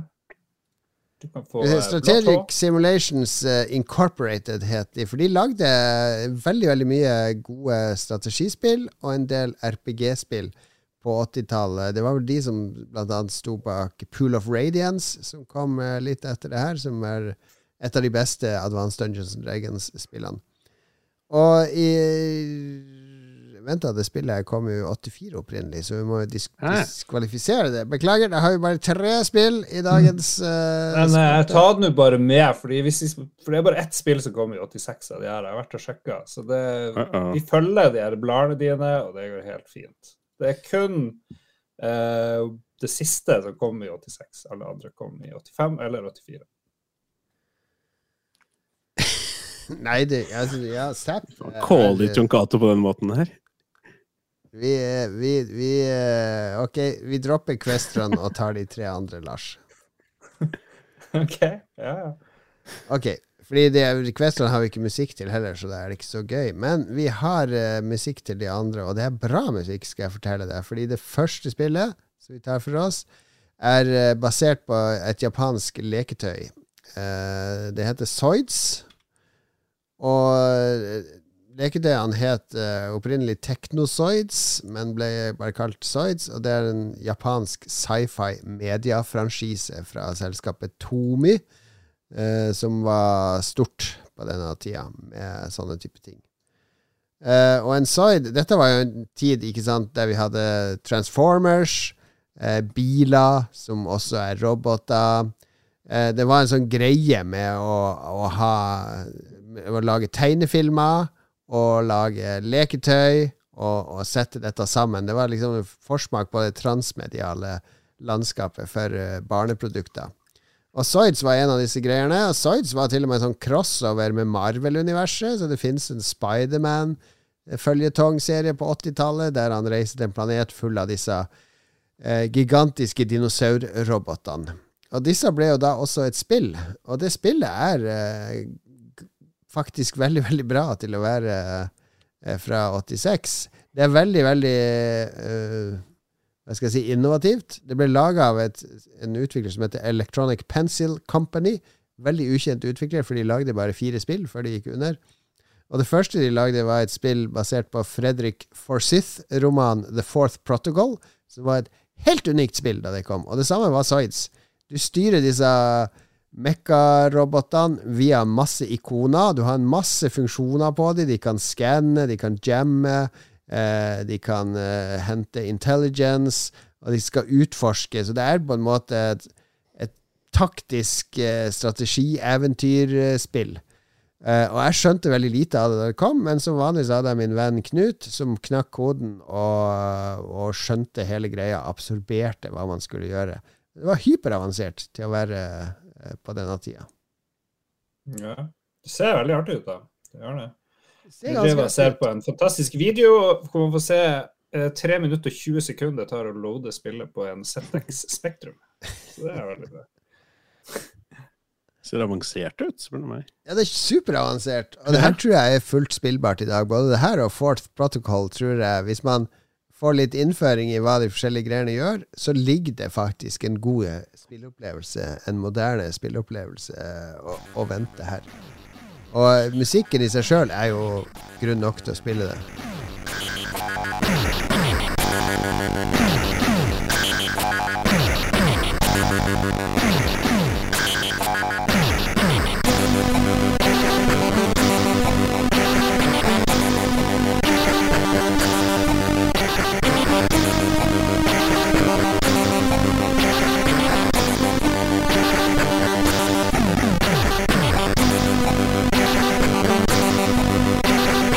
Det var nå eh, den godeste Rob Hubbard virkelig begynte å få et navn for seg eh, på Commodore 64. Han hadde jo allerede kommet med Monty on the Run og andre ting. Og et, et spill med Rob Hubbard-musikk på denne tida var et spill som var verdt å spille uansett om det var bra eller ikke. Hell Skal det også sies at denne låten har han jo eh, stjålet fra en artist som heter Synergy, en amerikaner som lagde syntmusikk på slutten av 70-tallet. Det er låten 'Ancestors' fra Synergy som har akkurat samme melodi.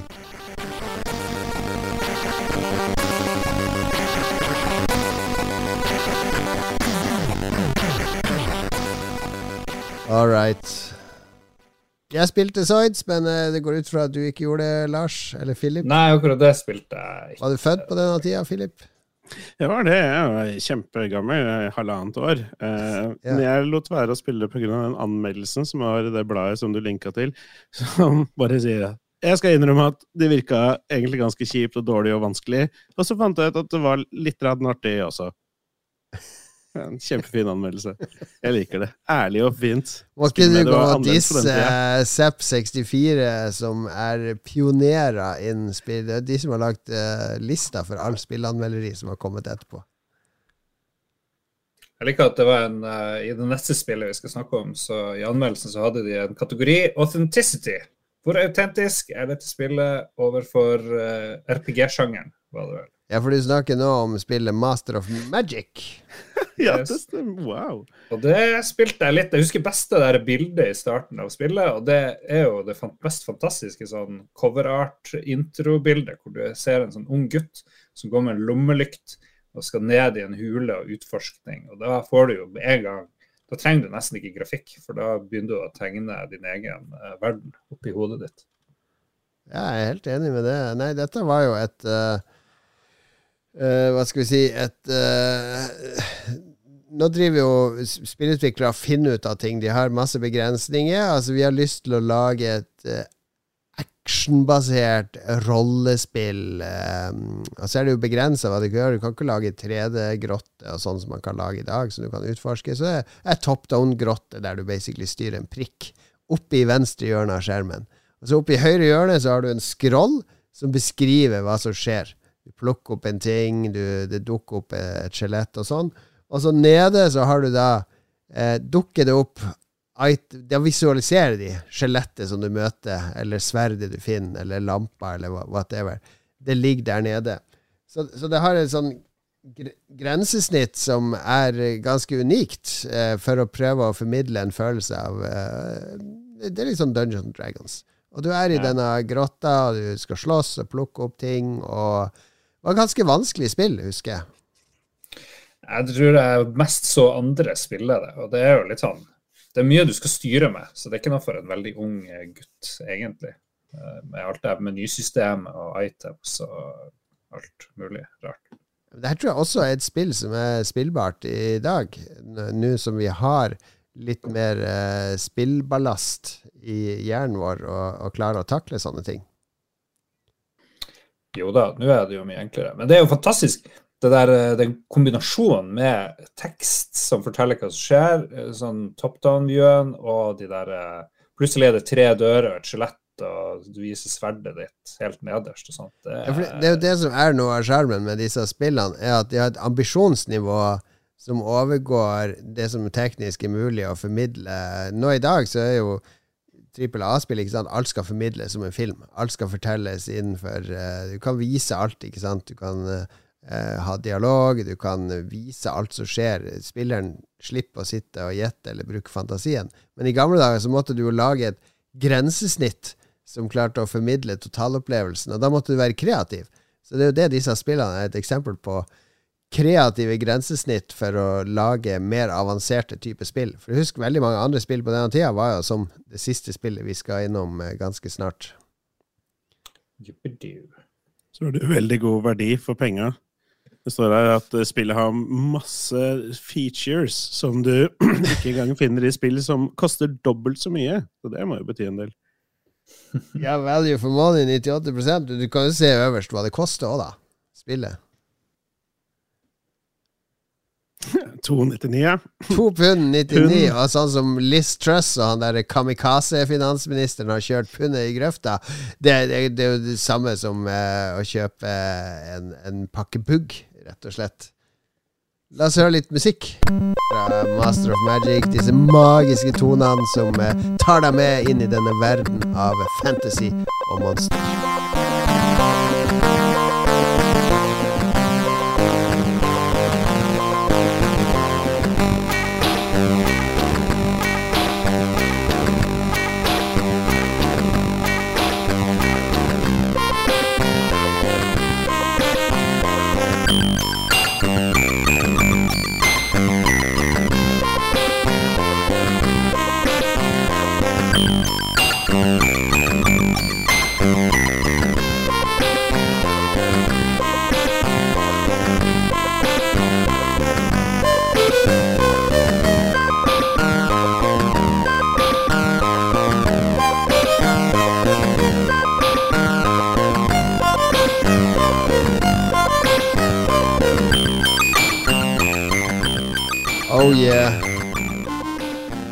The memories are flooding back.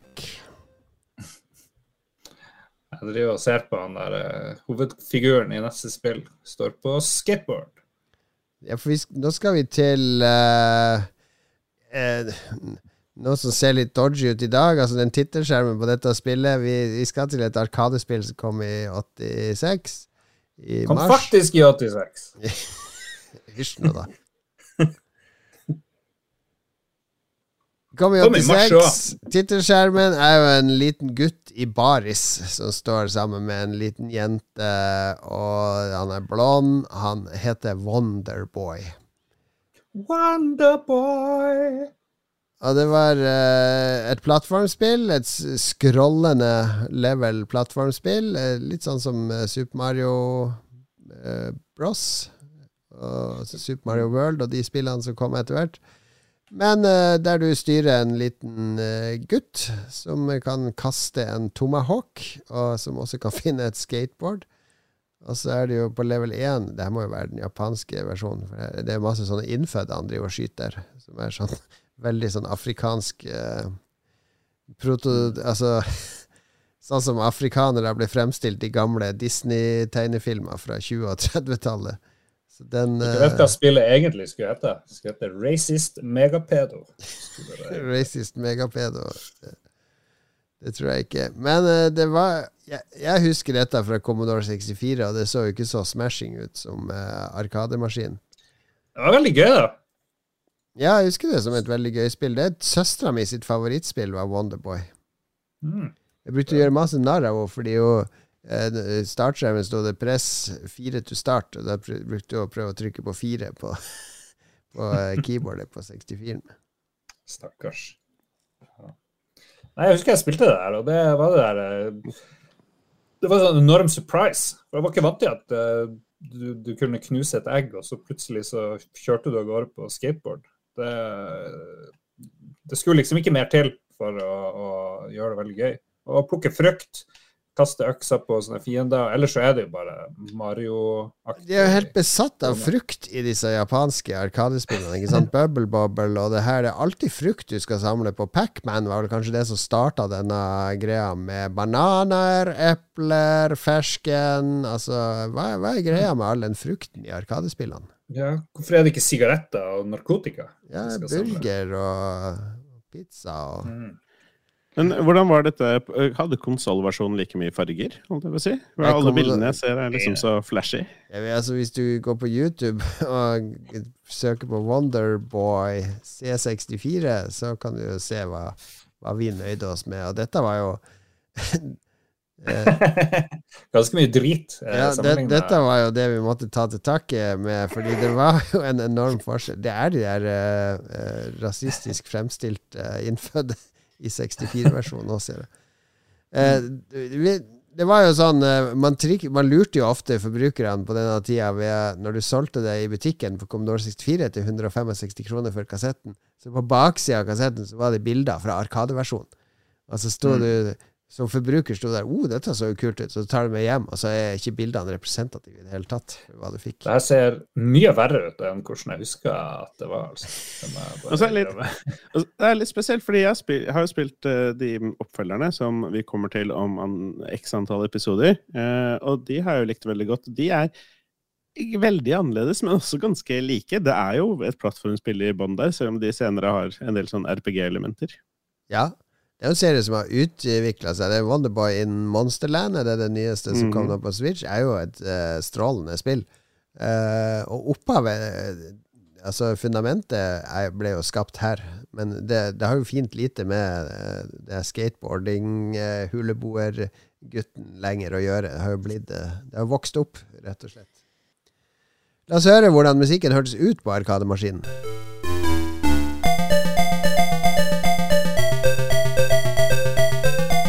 Er stort sett dette. Vi spiller det litt til. Nå har vi gått fra Vi har liksom gått fra det her, Commodore 64, fantastiske lydbilder, og samtidig så kommer dette på en arkademaskin. Det går ikke, rett og slett. Skjerp dere, japanske arkadefolk. Dette går ikke. Ok, Hvilken av de her tre skal vi kåre til det beste spillet i mars 1986? Siden bare ett av de spillene kom i mars 1986, så må det jo nesten bli Wonderboy, altså. Jeg hadde jo stemt på det uansett, bare fordi det er det eneste jeg har et visst forhold til i det hele tatt. Så hvis vi skal se bort fra liksom, eh, detaljene, så, så går jeg for Master of Magic, tror jeg, altså, her, eh, egentlig. Master of Magic. Ja. Jeg tror jeg er enig, faktisk. Master of Magic Jeg har litt på Soidsa, òg, men Master of, jeg to på Master of Magic, og da er det avgjort, Philip. Det spiller ingen rolle hva du tenker. Og når det kom ut ja. Vi avslutter med en bobler fra denne måneden. Eh, ikke bra nok til å dukke opp her, men vi skal ta nok en Rob Hubbard-låt. Han var veldig produktiv på denne tida. Det kom et spill som heter Phantoms of the Asteroid, og det hørtes sånn her ut.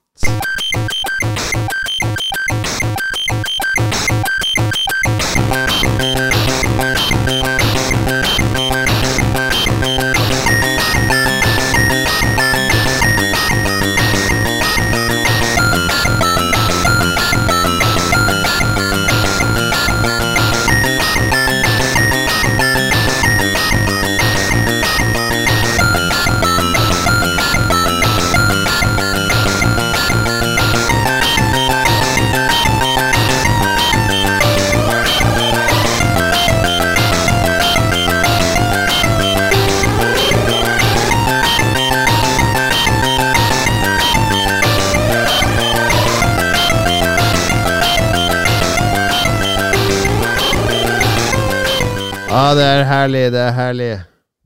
Bare hør på det her. Det går ikke an! Det går ikke an! Savna noen uh, sinte nordlendinger i sampler der òg. Det hadde vært bra. Hadoken! Det går ikke an! Hvor mange lyttebidrag har du fått inn, eh, Lars? Tolv så langt. Ja, så bra. Vi skal gjennom anbefalinger først, og så er det lyttebidrag, og så rekker jeg akkurat å spise litt eh, kvelds. eh, Kjenne den Grandisen eh, er ikke sånn 100 mett lenger. Jeg tenker at de må plage seg sjøl på denne måten. Tenker du å plage seg sjøl på denne måten? Så her har du begynt å bli sur igjen. Det er begynt å bli sur igjen. Eh, Lavt blodsukker. Lavt blodsukker. ding, Ding, ding, ding, ding, ding, ding, ding, ding, ding, ding, ding. Ok, anbefalinger. Philip, let's go. Uh, for å ta noe som tilhører min uh, ungdom, og deres òg, da, for så vidt, for dette her det sp- spant jo over, uh, over lang tid. Wu-Tang Clan! Wu-Tang, Wu-Tang, Oh yeah. Wu-Tang. Ehm, det er en serie på Disney Pluss som heter Wu-Tang An American Saga, som er en type Dramatisering. Dramatisering, ja. Ja. Perfekt ord. Eh, av eh, den, hvordan Wu-Tang-gutta kom sammen, ble, eh, ble en gruppe, og selvfølgelig var megagangstere og deala masse drugs og skjøt masse folk og sånne ting, til å bli Glorifisering? Vil du si det er glorifisering? Eh, det var jo akkurat sånn som det skjedde, tipper jeg, og det var sikkert kjempegøy. Eh, og jeg er kjempemisunnelig på alle det, som må det, er hver dag. det er ikke et dokumentar, det er Wu-Tang som har eh, fortalt Sånn her var det, liksom. Så det kan Ja. ikke gå ut fra at det er 100 eh, dokumentar. De har sikkert pynta litt på det. Ja, da, herregud, det er, jo, det er jo ment til å være, være en dramaserie i tillegg, noe som kommer ganske, skinner ganske godt igjennom. Fordi jeg så mest for meg at det skulle være en litt mer lignende uh, Straight Outta Compton, Ja, det den. NWA-filmen. Ja. Ja. Det var liksom litt eh, det, litt det jeg sa for meg, men det er, uh, det er bygd som en serie, som gjør også at det, dramaturgien må legges opp helt annerledes. Så det er liksom lagt opp til en del sånne Å, wow! Å oh, nei! Lurer på hva som skjer i neste episode, type moments. Um, så det er, det er mye mer uh, påvirket av å være, uh, være skapt for underholdning enn det Straight Outta Compton var, da, som virka som en mer uh, ja, hakket mer dokumentarisk eh, fremstilling, i hvert fall. Ja, og dette er bra. Old Dirty Bastard er bra, og Ghostface Killer og Ursa og hele gjengen. Du, du tror på de skuespillerne og sånn? Du føler at dette er, var nok sånn som det var? De fleste av de er, er liksom eh, Skuespillerne gjør ganske ålreite roller. Eh, Wu-Tang-gutta er jo en gjeng med rappere. Det kan være vanskelig å på en måte liksom skille fra hverandre, men de gjør en ganske ålreit jobb med å på en måte fremstille hvilke de litt type personligheter og styrker og svakheter de forskjellige har, og spesielt da Rissa, som er på en måte eh, hjernen bak hele, bak hele Wu-Tang Clan, som på en måte står i sentrum. Og så må det shoutouts litt til han som skal spille han som spiller All Dirty Basser, for det er ikke noe er ikke enkel jobb å spille. Så Nei, jeg var en ser, ser person. alkoholisert gærning fra du er liksom 16, liksom. Men eh, ja, nei Ja, jo da. Big Baby Jesus, som han også kalte seg. Big Baby Jesus. Ja, Han hadde flere kallenavn. Han, ODB. Uh, den eh, serien syns jeg var uh, kult for alle som eh, har et visst forhold til Wu-Tang Clan. Så syns jeg det er kjempe, Burde kjempeålreit. det ikke komme en norsk sånn her serie snart? Warlocks and Nor a Norwegian Saga, og om eh, de som tagger på Groruddalbanen. Uh, jeg tror det blir like mange episoder. Jeg vil se tungtevern uh, sitte og spise Grandis og se på TV og lage musikk. Ja, for eksempel spille dataspill som, Mm. eh, som Bussav eller Pappa Lars uh, likte også å gjøre. Nei, men jeg har lyst til å se en med Warlock. Warlocks. Mm.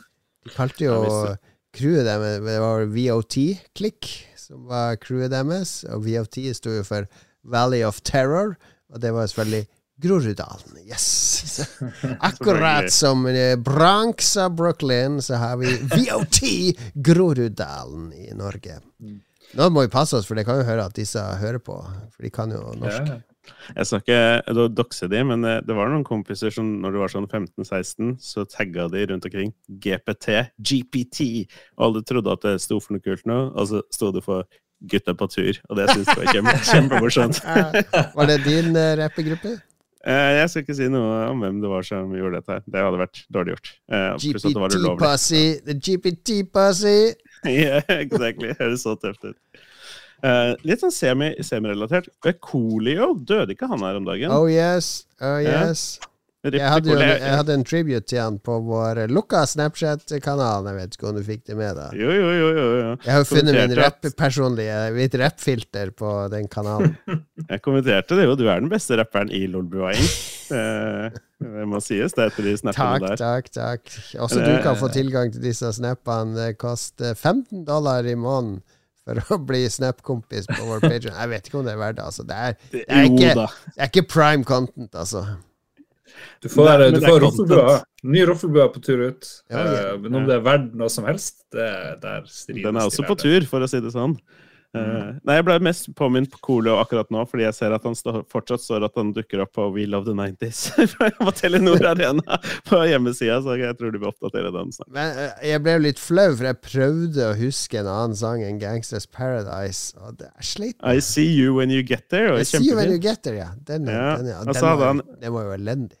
Nei, han er kjempefin, men jeg var syv år da. Og så hadde han en sånn partyhit sånn One, two, three, four. Everybody get on the floor. Gotta get up and get down. Så, Ja, artig. Mm. Det er, det er et artig Jeg så et artig klipp eh, etter han døde, hvor han også linka til på, på Twitter, der han, der han er på eh, Celtic Park i eh, Irland. På fotballkamp, rett og slett. Hvor han skulle ha konsert i Irland, så ville han dra og se Celtics. Og så kommer han ut i pausen og blir intervjua av han TV-reporteren, uh, han Cooley. Og det syns jeg Han var noe sånn folkelig over det. Veldig folkelig. Jeg så et annet kjempeartig klipp på Twitter hvor han skulle dukke opp på en Det var en i- irsk TV-kanal som hadde booka han ved en feil. Ja, ja. Og når han dukka opp, så hadde de, de hadde ikke noe klart til han, og han ville jo ha litt sånn backup-danser og sånn. Så de bare tok noen sånn tilfeldige 40, vi- 40 år gamle irske studiemedlemmer, tok på de noen hoodies, og så bare liksom sto de på scenen. Jeg tror han var ganske fleksibel. Jeg tror han var ganske Ja, ja, ja. løsningsorientert og rund i kantene. Han kul, jo. Jeg har sunget Gangsters Paradise på Marioke. Der det, den handler om Dark Souls, da. Jeg husker ikke hva, hva den heter, men det er jo Gangsters Paradise. Det gikk så også sammen. Jeg hadde med mine to favorittkordamer, Runa og Marianne fra, eh, fra Hyper Games. Og Marianne jobber vel nå i eh, Snowcastle, tror jeg. Så eh, da, da gikk det bra. Vi tre landa det. Det var i San Francisco, på Marioke. Mhm. Hva er din uh, Coolio-historie, Lars? Eller har du en Markulio-historie? Ja, du kan velge. Det er litt sånn reserve-Coolio. Eh, jeg kjenner meg sikker, jeg kjenner meg sterk. Presis som Stenmark. Jeg er bakkens monark. Yes, yes, yes, baby! Oh. Baby! Og dette var, dette var lattermildt, og det bringer oss rett over til min anbefaling, som rett og slett er Det er den tida på året der jeg kjøper et VG abonnement i en måned, fordi jeg må rett og slett eh, det er, Jeg må innrømme at det er ganske morsomt når eh, Mats Hansen sitt konsept, for det er jo etter et konsept av Mats Hansen og Mats Hansen alene, som har laga det som heter Ikke lov å le på hytta. Og sesong én var jo kjempemorsom. Sesong to var veldig morsom. Sesong tre det er kanskje den morsomste av alle de sesongene. Den episode to av sesong tre, når de skal roaste hverandre Jeg lo så jeg grein. Og det var gjennom Konstant gjennom hele episoden er det bare Det er morsomt hele tida. Det er helt sjukt. Har de med litt sånn tafatte folk som han, eh, Magnus Carlsen og Nei, for det har de eh, spissa Det har de spissa litt nå. Skal, hvem er det som er med? Det er jo Else Kåss, er jo kjempeartig. Uh, hun har jo du intervjua på sånn uh, comedyklubb i Oslo, Lars. Husker du det? ja, ja. ja. Det var magisk. Intervjua folk hele kvelden der. Ja, det gikk, Lars gikk jo rundt med sånn frakobla mikrofon, og da ble han en helt ny person. For han fikk så enorm selvtillit, så han bare gikk bort til tilfeldige folk sånn eh, 'Det er for mye sex i Norge, hva, hva tenker dere om det?' Og, 'Det er for mye sex i media', og sånn. Altså, folk begynner jo å prate eh, med en gang de får en mikrofon i fjeset. Eh, de fleste skjønte jo at en mikrofon ikke førte til noe som helst, men det bare fortsatte de å prate med Lars. Ja. Så det, det var en magisk kveld. Men, men de som er med, det er jo Jenny Skavlan er med. Han eh, Jeg husker ikke hva de heter, alle de her. Det er masse komikere med, så er det et par sånne der uh, halvgreier som uh, er mer sånn influenseraktige, og de er litt tafatte. Men eh, de ødelegger, for det er, de er så mange andre som er så energiske her. Han er med han der fra Raske menn, uh, jeg husker ikke hva han heter. Kalle? Kalle. Kalle, ja. Han er morsom, altså. Mm. Og så er det, det er ganske grovt. Det er ganske drøyt, mye av det her. Når jeg så det, så tenkte jeg herregud, det her kommer når disse episodene kommer gratis. Det her kommer litt om at eh, det blir bråk. Det blir krenkorama, rett og slett. Det er, det er en del som er litt over kanten. Ja, for jeg trodde det var eh, supposed to be litt sånn familievennlig. Ja, han er jo med, han der Kevin Vågenes, han der uh, Mm. uh, komikeren fra parterapi og sånt. Og han er jo homofil, og det blir et stort poeng. Så han Kalle skal ha sin roast ut av det. Var med seg masse props oh, og andre ting. Å nei, ok. Eh, Jeg har ikke sett et eneste minutt av eh, Ikke lov å le på hytta. Eh, I protest, egentlig, mot å konseptet, men det, jeg vet ikke, det høres ut som ah, det jeg, er jeg, verdt bare jeg få med med den. da. Og, og Else Kåss skal dra rosen sin, for hun, hun kjenner hun er mer bevega seg over til sånn lørdagsunderholdningsdame. Litt eh, sånn der eh, Lindmo Kanskje ikke helt Lindmo, men det er litt sånn der eh, eh, Komedie-Lindmo. Når hun skal roaste her, så bare drar hun det grove, stadig grove. Med bare sikte på hun første dama der. Så jeg har jo alltid hatt fantasier om å, le, om å eh, rive av deg trusa, bare stupe ned og slikke fitta di og slurpe i meg fittesafta Wow. di. Og det er på det nivået, liksom. Jesus. Ja, vel. Vi så jo sesong to på hytta Ja. sjøl i fjor. Det var jo veldig artig. Da, Det er det beste, altså. Ikke lov å le på hytta på hytta. Mm. Autentisk. Så nei, jeg anbefaler den. Det er, jeg har gitt 99 til Skipsted og VG. Jeg vet at det er din konkurrent Lars, men det er bare den ene måneden. Det får ikke bli mer enn det. Skal vi se, jeg skal dra ting litt ned i de tristere, men også interessante forhold. For jeg har sett på NRK, glimrende norsk rikskringkastingen, der er det et program som heter Charterkongen og de unge jentene. Litt sånn kjedelig navn. Jeg tror den heter noe sånn der eh, knallebolle eller et eller annet sånt på, på dansk. Det handler i hvert fall om sånne morgenknallepiker, eller noe sånt. Morgenbollepiker. Var det en sånn eh, helt vill fyr. Han ser ut som en gal bomber av og til. Han er eh, Simon Spies, som det handler om. Simon Spies lagde Sveriges eh, store sånne der eh, Den heter Spies og Morgenballedamene. Ja, nettopp. Mye morsommere navn på, på dansk. For det han bare omga seg av damer, stort sett rundt 15 år, som eh, han betalte for å ha sex, og ansatte dem i selskapet sitt som sånne resepsjonister eller andre ting, og så bare bodde de sammen med han på eh, et svært bygg han eide, hvor han også hadde et hotell og pub og sånt. Så bare reiser han rundt og er sånn her enorm playboy uten noen som helst moralske skrupler. Og Danmark var jo veldig mye mer sånn her frisinna på sex enn veldig mange andre land. Så der var det helt greit. Media drev og lagde Se og Hør lagde sånn Se her er Spis sine unge gledespiker og sånt. Og det var bare sånn åpen hemmelighet. Og så får du selvfølgelig her da baksida av medaljen om de her folkene som var ansatt der, og som, som kanskje ikke hadde det bestandig så veldig bra. Døde av aids og, og litt sånt. da. Men eh, det alle sier i program én, som er det jeg anbefaler, at han tvang aldri noen til noe. Men det er veldig mange episoder igjen. Så jeg er litt sånn spent på hvordan det her skal Så det er ikke eh. Chartersveien, altså. Det er en annen charterkonge. Her har han Charterspis, som, eh, som virker som å være en veldig vellykka businessmann. Han var med i nazipartiet i Danmark, da, for han var jo født på 20-tallet, så han døde jo i 81 eller annet, eller noe sånt. Eh, superrik, hadde sånn en enorm hytte i Sverige hvor han tok med seg alle de her damene.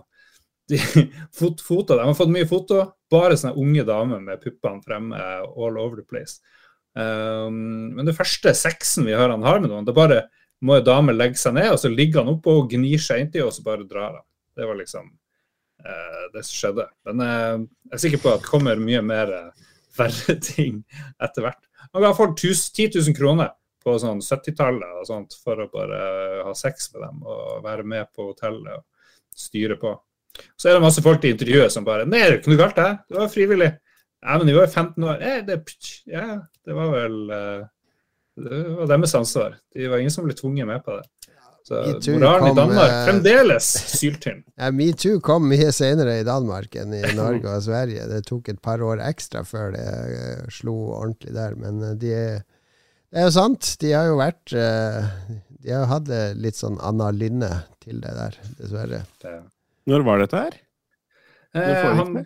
Ble født eh, på 20-tallet, døde i 84, og hans storhetstid var vel sikkert 60-70-tallet. Ja, så var det var sånn, sånn syv år siden. han var sånn Trump, men han ble bejubla og likte alle. Han kjørte rundt med sånne enorme Mercedeser. Og så det som var like ille, var jo de her eh, Han fikk med seg eh, mora og dattera, for dattera var 15 år. Så sa han er det noe dere trenger?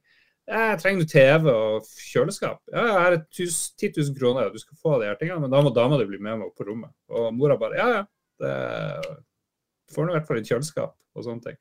Og Ja, da, da- ble da- med. Dattera di blir med opp på rommet, var det? Ja, ja, ja.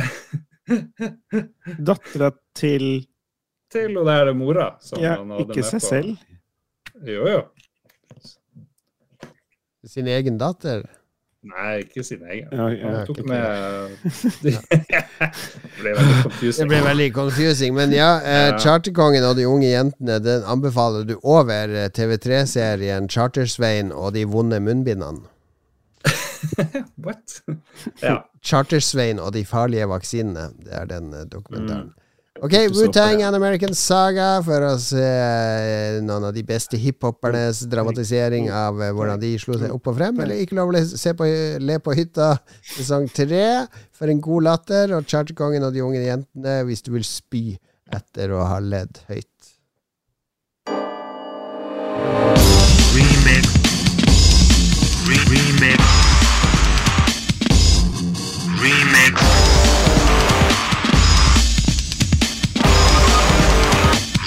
Remix.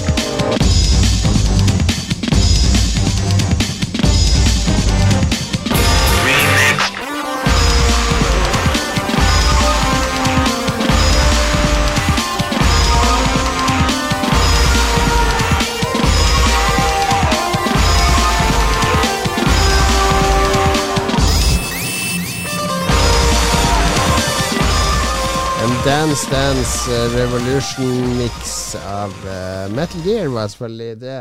Vet du hva? Jeg gidder ikke Facebook lenger, Lars. Ja, hva du mener du? Fordi nå Det her skjer hele tida nå. du? er så sulten. Jeg, husker, nei, jeg manager jo mange sider. Jeg har mange sider. Jeg har C64 Ball, jeg har Spillquiz, jeg har Spillrevyen eh, osv. Altså Nå fikk jeg uh, skal jeg gå inn og se på lyttebidragene. You have new post to see in Lolbo Entourage. Opptak i kveld. Hva er det neste grusomme? Trykker jeg på den, da skifter den fra min profil til C64 Ball av en eller annen grunn. Så skal jeg se alt, og så må jeg skifte tilbake, og da tar den meg tilbake ut derifra. Jeg orker ikke mer, for det her gjør den hele tida. Det er sånn Jeg får en liste av ting som har skjedd, og så Å, her har det kommet opp noe, det må jeg inn og se. Og så bare Plutselig så skifter fargene og alt, og så Nå er jeg spillrevyen. Nå skal jeg se alt filtrert gjennom spillrevyen. Jeg vil ikke skifte! Jeg vil skifte! Jeg vil trykke sjøl for å skifte! Skjønner du det, Mark Zuckerberg? Jeg skal velge når jeg skifter! Du skal ikke drive og skifte for meg! Jeg orker ikke. Hvis ikke Facebook fikser det innen en uke, så sletter jeg. Nå har jeg hatt 50-årsdag. Nå trenger jeg ikke være på det der drittstedet lenger. Det er jo bare dritt der. Vet du hva jeg driver og ser på nå? Jeg ser på andre rundt meg som er over 50 år, som sitter og kommenterer på Aftenposten og sånn. Og jeg vet at jeg er på vei dit. Jeg kommer dit en eller annen gang.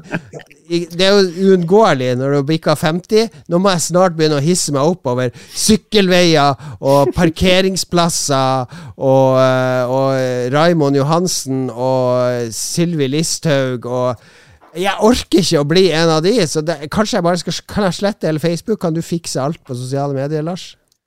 Selvfølgelig. Yes. Null stress. Da gjør jeg det. det. Takk, jeg måtte bare få det ut. Ja, ja.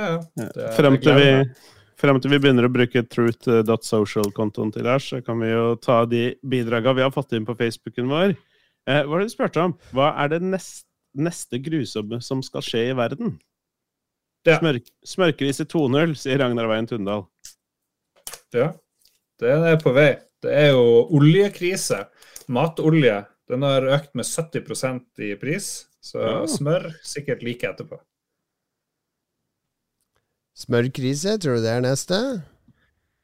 Jeg tror det neste krisa som skjer, og det er en reell krise, det er uh, greit nok uh, Putin kan drive og sprenge disse uh, rørene og fucke opp uh, transport av olje, så vi må begynne å spare strøm overalt. Men så tar han kablene til Christian, så internett forsvinner. Oh. Da er vi fucked! Da er det ikke mer Lolbua. Ja, de er sikkert vanskelig å beskytte der de går gjennom Atlanteren og havene. Så Internett neste, sann mine ord. fint. Okay. Da må vi begynne å gi ut på kassett og sende i posten. Uh, Thomas Washington Holmedal han spør at hovedstrømledninga til Lars brenner opp, og det er jo mer sannsynlig enn man skulle tro, sikkert. ja. Det er Forbannelsen over det. Uh, Shit. Han spør også hvilken lydeffekt er dere flinkest på å lage med munnen, og til hvilket spill skulle det passet best til? Den er god. Den er god. Ja, skal vi begynne med Philip? Hvordan lyd eh, lager du? Bortsett fra sånn slikkelyd. Uh, jeg har ikke noe sånn veldig sånn spesielt imponerende lyd, tror jeg. Uh, det kommer jeg litt til kort. Men du, Lars, du har jo brukt hele livet på å trene opp dette her. Ja. Eh, pff. tja Bare si en lyd, så skal jeg lage den. Jeg er mer, mer god på sånn. Jeg er sånn som han der i politiskolen. Vil dere ha helikopter? Vil dere ha maskingevær? Uh, Jeg, jeg- vil gjerne ha uh, maskingevær. Den er ekkel. Der har jeg jo lagd hele livet. Ja. Naturtro én til én. Altså må ha litt sånn ropert, bruker han å lage. Ja, ropertlyder. Oh, this is the police. Come out with your hands over your sånn- head. Whoop, whoop.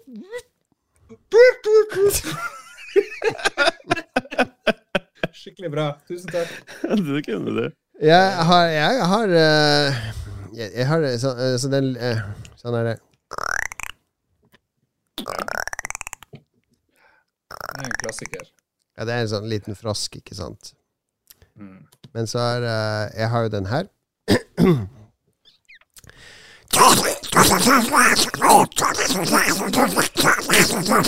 Så kan jeg kan følge opp med den her. Gardsmykke! Her er jo du som er han i politiskolen. Det er ingen tvil. Disney-prinsen, holdt jeg på å Ja, jeg var veldig glad i Disney-filmer da jeg var liten, og drev og øvde på å herme etter de. Det eneste jeg ikke får til, er han derre oh, Goofy! Oh, oh, oh no! Oh my God! Minnie! Where, where are you? Oh. Jeg skal prøve det- jeg, jeg trodde jeg kunne Donald-stemme, og så lagde jeg egentlig bare en sånn lyd med kinnet. og Det er langt unna. Visste du hvem som er stemmen til Mickey Mouse? Det har Walt Disney sjøl. Mm. Det var sånn han Mm. prata hjemme òg. Honey, I'm home! What's for dinner? We made a new cartoon today! All right. Er vi ferdig? Jeg, jeg, jeg har sletta Ja, Facebook, da så var det nesten ikke flere. Ja. Uh, alle lyder hvor jeg kan lage en melodi til. Per Søvik spør Olsenbanden, siste skrik var en oppfølger. At det er det neste skrusomme som skal skje i verden. Det er, har den kommet ut ennå, den første? Er den gøy? Den uh, med John Carew og, Ja. og gjengen Jo, den er kommet. Jeg har vært på kino. Den, jeg leste anmeldelse av den, og det var sånn der eh, terningkast eh, Sterk terningkast tre. Som er, Det er det nærmeste norske anmeldere kommer fra totalslakt av norsk film. Som er sånn der, eh, Tilfører ingenting til sjangeren. Og sånn der, ja, filmen funker fra start. Altså, filmen eh, Skjermen ble ikke svart underveis, basically. Det, det er lyd, og det er bilde i bevegelse. Det var, det var liksom på det nivået. Så, men han yngste sønnen min har veldig lyst til å se den, så jeg tror at jeg må lide meg gjennom den i nær fremtid. Mm. Tom Wilhelm Ødegaard han sier at neste krisen, eller neste som skjer, er at Putin sprenger seg sjøl i lufta utenfor Kremlin når Ukraina tar tilbake annekterte områder i landet sitt. Spennende. Det kommer helt sikkert til å skje. Garantert. Eh, er ikke umulig. Kenneth Bekkevær, alle som vil ha en PS5, får det. What?! Det hadde vært noe. Ja, det, Ja. Hvis vi får flere patrions Hvis vi får typ eh, inn én milliard kroner på patrions i måneden, så skal vi kjøpe i PlayStation 5 til alle som vil ha det, av våre lyttere. Bare digitalversjon, da. Ikke disk. Det blir for dyrt. Ja. Ja. Ja. Joakim Strandberg, fast bidragsyter, spør Når dere treffer på en loot-lama i Fortnite, bruker dere tid på å løpe etter den og slå den i stykker, eller går dere videre i håp om å komme i kamp? Hmm, Jeg må jo slå den. Hvorfor ikke? Slå den. kult. Ja, Ja, det er vårt, vår offisielle stance. Mm. Han følger opp. Har dere, vet dere hva en lutlama er? Jeg er litt ute av Fortnite. Jeg det antar at det er en pinjata med lut i. En pinjata med lurte som hopper rundt. Forresten, før vi går videre, apropos Lutlama og Fortnite og Joakim Strandberg For nå, når vi spiller inn dette, så er det én time til Overwatch 2 er lansert. Eh, Er du spent, Philip? Du er jo gammel Blizzard-mann. Heroes of the Storm, World of Warcraft Overwatch 1, du var vel en av de som likte det da det kom først? Jeg var en av de som spilte det. Ja. Og så spilte jeg det aldri igjen, men det er mye fordi at jeg, jeg er jo skikkelig dårlig i skytterspill generelt sett, så det, bare, det, det er en dårlig sjanger for meg. Eh, Overwatch-greiene har, så vidt jeg har skjønt, Blizzard håndtert helt ufattelig ræva når det kommer til den e-sportsatsinga og sånn. Og ja, Overwatch 2 har jo vært lovt i tre år nå, så det blir jo gøy at det skjer noe nytt der. Vi har stengt er serverne til Overwatch 1, og Overwatch 2 er jo free to play, så det er jo en del endringer der. Eh, nei, det blir spennende å se hvordan mottakelsen blir. Det er jo en ganske mager spillhøst. Det er det her og Call of Duty. Og er det noe mer, da? Mm. Jeg driver og følger med på spill fra 1986, jeg. Ja, det er for så vidt riktig. La oss se. La oss ta en sneak peek. Vi har jo glemt den spalten vi hadde før, der vi gikk gjennom spillene som kom eh, måneden. Jesus lord, Stemmer hva er det du holder på ja, med? det var viktig. Vi skal gå gjennom spill som kanskje kom ut i mars, liksom. Det er det vi har Ja, det er- fokusert på. Nå må du eh, roe deg ned. Nå må du roe deg helt ned. Joakim Evans. ja. Ragnarok 9. november. Det blir jo høydere. God of War. Det er eh, han- eh, God of War. Ja, det må jo bli litt gøy. Kom igjen, da! Ja da, det, det kan bli litt gøy. Det er gøy. Det var veldig bra, det forrige. Ja, jeg syns det var kjempefint, jeg. Og Altså- Bajonett, Ja. ja, Bajonetta 3 på Switch. 28. oktober Nei, 28. oktober. Nja. Persona 5 Switch. Royal kommer. Så det bare Remake. Lage noe nytt. Call of Duty gleder jeg meg faktisk til, eh, etter å ha spilt betaen. Det tror jeg blir kjempegøy. Mm. Så kommer jo Pokémon Violet og Pokémon Scarlet. Det har jeg en sønn som skal spille. Mm. Er ikke så mye. God of War Ragnarok det er vel utsatt til neste år. Nei, nei. Er det det? Helt sikkert. Nei, det er det vel ikke. Nei. Det er mye remakes og reutgivelser. Ja, I dag så annonserte til og med Sony at uh, nå kommer en remake av Horizon Zero Dawn, som kom Mm. ut for fire år siden. Ja. Ja. OK, vi går videre. Yes. Joakim Strandberg fortsetter. Hvor flaut er det at uh, syv år gammel nevø til Annebeth er bedre enn han i Fortnite? Det er ikke flaut i det hele tatt. Det er sånn det er. Du er blitt gammel, eh, Joakim. You old. Det er lov. Bjørn. Bjelland. Uh, neste år utgiftene i statsbudsjettet vokser betydelig på viktige områder. Uh, det blir derfor innført luksusskatt på podkaster, i tillegg til at skatten i Nord-Norge blir på samme nivå som i Sør-Norge. What?! Det hadde bare vært fair. Vi må jo få noe, noe eh, i bytte mot å liksom ta vare på de mest værutsatte og, og tøffe områdene av Nord-Norge, av Norge. Hvis ikke det bor noen folk i Nord-Norge, så kan Putin gjøre sånn som på Krimea, og sånn, bare annektere. Det er greit. Det, ingen, Det er jo helt fint, Hvis det det. ikke er en dritt av verdier der, så er det ikke noe å Ja, ja. annektere. Bare tar vi Ukraina er jo verdens største kornlager. Det er jo klart at han vil annektere det. Vi har olje og gass her oppe. Vi ikke olje og gass, fordi hver gang vi kommer opp dit og skal drille olje og gass, så står dere her For faen, ikke ødelegge fjordene våre! Nei, nei, nei, hold den styggedommen unna! De fleste her er jo kjempeglade for uh, enhver eh, arbeidsplass. Hurra for arbeidsplasser! Vi skal ha flere arbeidsplasser! Det er vel full drama nå rundt lakseskatten der oppe. Så, hvis Putin, hvis Putin kommer inn, så blir det sikkert ikke noe lakseskatt, og så blir det sikkert å drille opp all den olja og masse arbeidsplasser. hvis Putin kommer inn, så står dere klar der. Hurra for Putin! Velkommen skal du være! Kanskje vi kan få litt uh, penger? Står der med vodkaen og skåler i vei. Skål for Putin! Så skal vi erobre Sør-Norge. Skal vi erobre Sør-Norge, du? Nå skal vi ta faen meg kjøre helt til stridsvolla helt til Oslo. Skal de faen meg få caffè latte drikkende uh, ufi-tyske der nede. Putin eh, hater homofile og caffè latte, det er jeg helt sikker på. Det tror jeg du har rett i. Ja. ja ja, hvor var vi? Vi har en siste, et siste bidrag. Hva er Et det siste bidrag! Som skal skje i Ja, vi har flere. Vi har flere. Ja, har du opp... Jeg må opp. Det har kommet flere! Ja, ok. Da kan jeg Ok, rediger dette. Vegard Lindland skriver laget til Katarina lager hull i demningene våre. Lage? Er USA-referanse? USA. Men da har jeg tenkt på hvor lett er det ikke å sprenge hull i, i vannreservoarene våre. Der må, vi, der må vi ut og sikre. Jon Cato, du må ut og drage line, og hva nå enn du gjorde i Forsvaret.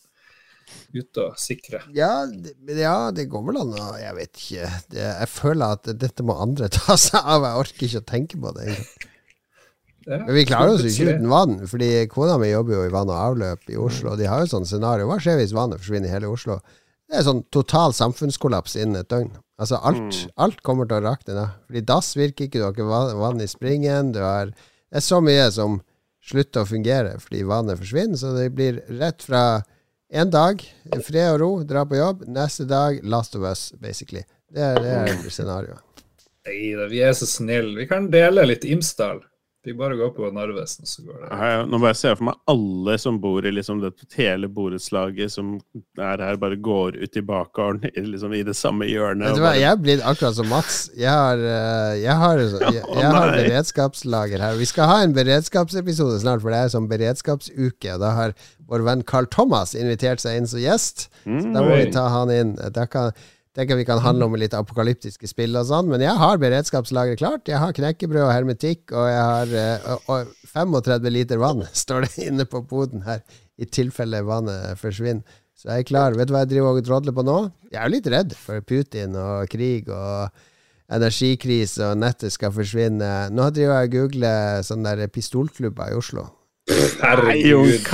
Herregud. Da skal jeg melde meg inn sånn som Lars, så at jeg, jeg, jeg føler jeg må ha noe å forsvare meg med. Meld deg inn i Speideren igjen isteden. Jeg får ikke noe pistol av å være i speideren. Nei, jeg trenger ikke. Jeg trenger å leve ute i Jeg ringte skauen. på her, så dere får holde den i gang. Hvem du skal skyte, liksom? Det er Pow, pow! Ja. Skal faen meg ikke Ingen skal komme og ta tingene mine, knekkebrødene mine! Pang! Det første han tenker på, det er så knekkebrød, vann, skytevåpen. Det er liksom topp tre-lista av viktige ting å være forberedt med. Jesus lord. OK. Jeg, jeg, jeg bare føler at jeg er veldig naiv når det kommer til det der. Jeg, bare, jeg har en sånn ståltro på at samfunnet det går videre, det går bra, dette går, går helt fint. Det kommer ikke til å være noen krise av noen sort. Det går seg Mm. til. Ja. Nothing to see here. Move Exactly. along. Han ehm, Skal vi se, du sa vi måtte klippe litt, uh, Philip. Det var veldig eh, optimistisk. Det blir ikke noe klipping eh, her. Så det, Nei, det var det det som var, det som var forsøk på humor. Ja. det, det er ikke den podkasten vi er på. Det er et par bidrag. Skal vi se, Magnus Eide Sandstad. Det neste grusomme er trikken i Oslo må kjøre færre avganger, så folk må vente mer enn fem minutter på en trikk. Helt grusomt. Så her kommer eh, spydighetene fra Drammen. eh, Ikke sant? Ja, Ja, ja. faen, dette vet jeg ikke helt hva jeg syns om. Er jævlig irriterende å måtte vente på trikken, faktisk. Eh, Jævlig kjipt. Ja. Syns ikke jeg det skal undervurderes. Å, nå får vi eh, eh, unpack reveal. Er det live unboxing? Oi, Oi, oi. Jeg har fått ja. pakke på døra. Den, den, fra, den kalenderen fra Nytelsesrådet, den kom jævlig kjapt. Ja. 2000 kroner, boom! Jeg åpner live. Ja, jeg må åpne live. Sånn. Mens du åpner, så har vi et siste bidrag. Otto Erlend Gregersen. Det neste grusomme er streik i regnskapsførerbransjen. Ingen som maser om bilag på to uker. Det høres helt greit ut. Ja, det blir sikkert clusterfuck i ettertid. Jeg vet hva, Dette er jo levert via det som heter Porterbuddy her i Oslo. Det har dere ikke hørt om i Nord-Norge. Porterbuddy, hva i faen er det for noe?! Eh, det er Det er et sånt budselskap eh, som annet samarbeider med Komplett. Så i går kveld så satt jeg og irriterte meg over noe, og så gikk jeg inn på Komplett og bestilte, og da får du levert på døra dagen etter. Mm. De leverer også på søndager. Selvfølgelig. Det må slutte med der, eh, levering så fort. Vi skal ha posten, gode gamle posten. Det kommer om en uke. Helt Det gjør, gjør jo det fortsatt for det der oppe. Det er verdens største eske for verdens minste ting pakka inn i enda en eske. Sånn som Skulle bare satt min. på adressen på den eska der. Det er, bare, det er et billig trådløst tastatur til 250 kroner. Bluetooth. Det er fordi når jeg sitter eh, borti her Bak meg her Her er jo eh, kjøre, bilkjøreriggen min. Mhm. Bak der. Jeg sitter der. Altså, hvis jeg trenger å lagre setup til en bil, så må jeg reise meg altså gå bort til tastaturet her borte og skrive inn navnet på lagringsfila. Da skal jeg ha et tastatur der, sånn at jeg kan uh, ha tastatur attmed attmed rattet mitt. Forbrukssamfunnet har gått totalt amok. Jeg gidder ikke å gå én meter. Jeg trykker på kontroll S. Du gidder ikke å drite på utedass, så det Her er grunnen til at jorda går under veldig fort, og Jon Cato må kjøpe pistol. Fordi masse fattige folk som lager billige keyboard, har lyst på bedre, bedre liv, kommer og invaderer huset ditt. Det er det som blir å skje. Ta keyboarda dine, vannet Ja. ditt. Ja. Pow, pow! Keyboardet mitt får de aldri. Nei. All right, Ja, ja. det var det. Eh, Da må dere takke eh, Takke våre eh, produsenter som rabiate nordlendinger, som eh, er livredd for krig og Putin. Og søringer. Livredd alt, liksom. Å nei, dette er backstep. Hjelp meg, nå kommer søringene. Det hørtes jo bare ut som Lars. Det var ikke noe, var ikke noe tilgjort stemme i det hele tatt. Bare sa det, Jeg liksom. nordlending. Hvorfor skal jeg liksom gjøre meg til? Jeg er jo en redd nordlending. Ok, Filip. Kenneth, Kobrakar, 84, kjøp alle knekkebrød! Og så må Jon Cato være med, selvfølgelig. Hva i helvete, da, Joke Jarlsberg? Du må du faen meg komme og hjelpe å barrikadere døra her, for du kommer til søringene! Søringene kommer! Uh, hva det Hei, Bjørn Bjelland. Kom Det er hit, jeg trenger litt, trenger litt hjelp. Snekkeren har falt gjennom taket igjen. Hei, jeg heter Lars, og alltid Magnus. Du må eh, passe deg. Apokalypsen kommer snart. Flytt nordover. Flytt nordover, det er, eh, får være siste ord og siste råd i Lolbua. Det ble en artig episode. Litt mye energi. Kanskje litt lang episode, men jeg orker ikke. Jeg kan ikke klippe, for jeg må legge den ut nå med en gang. Ja, ja. Ingen Du må, du må gå og spise. Du har seks minutter på det. Du. Jesus lord, det må jeg også. Jeg må rekke å få i meg Takk litt i mat. dag. Det er eh, oktober, det er horrormåned. Jeg driver og binger horrorfilmer på Criterion, og det skal dere få høre om eh, neste uke. Hva skal du by på neste uke, Lars? Skal by på mer uhell eh, fra heimen. Det blir utrolig spennende. Bare vent. Og så er det, Det blir, det blir, det blir eh, Halloween-stream med Red Crew og spilledåser og Ragequit og Lolbua 28. oktober. Det gledes. Vi snakkes. Ha det bra, kjære lytter. Ha det.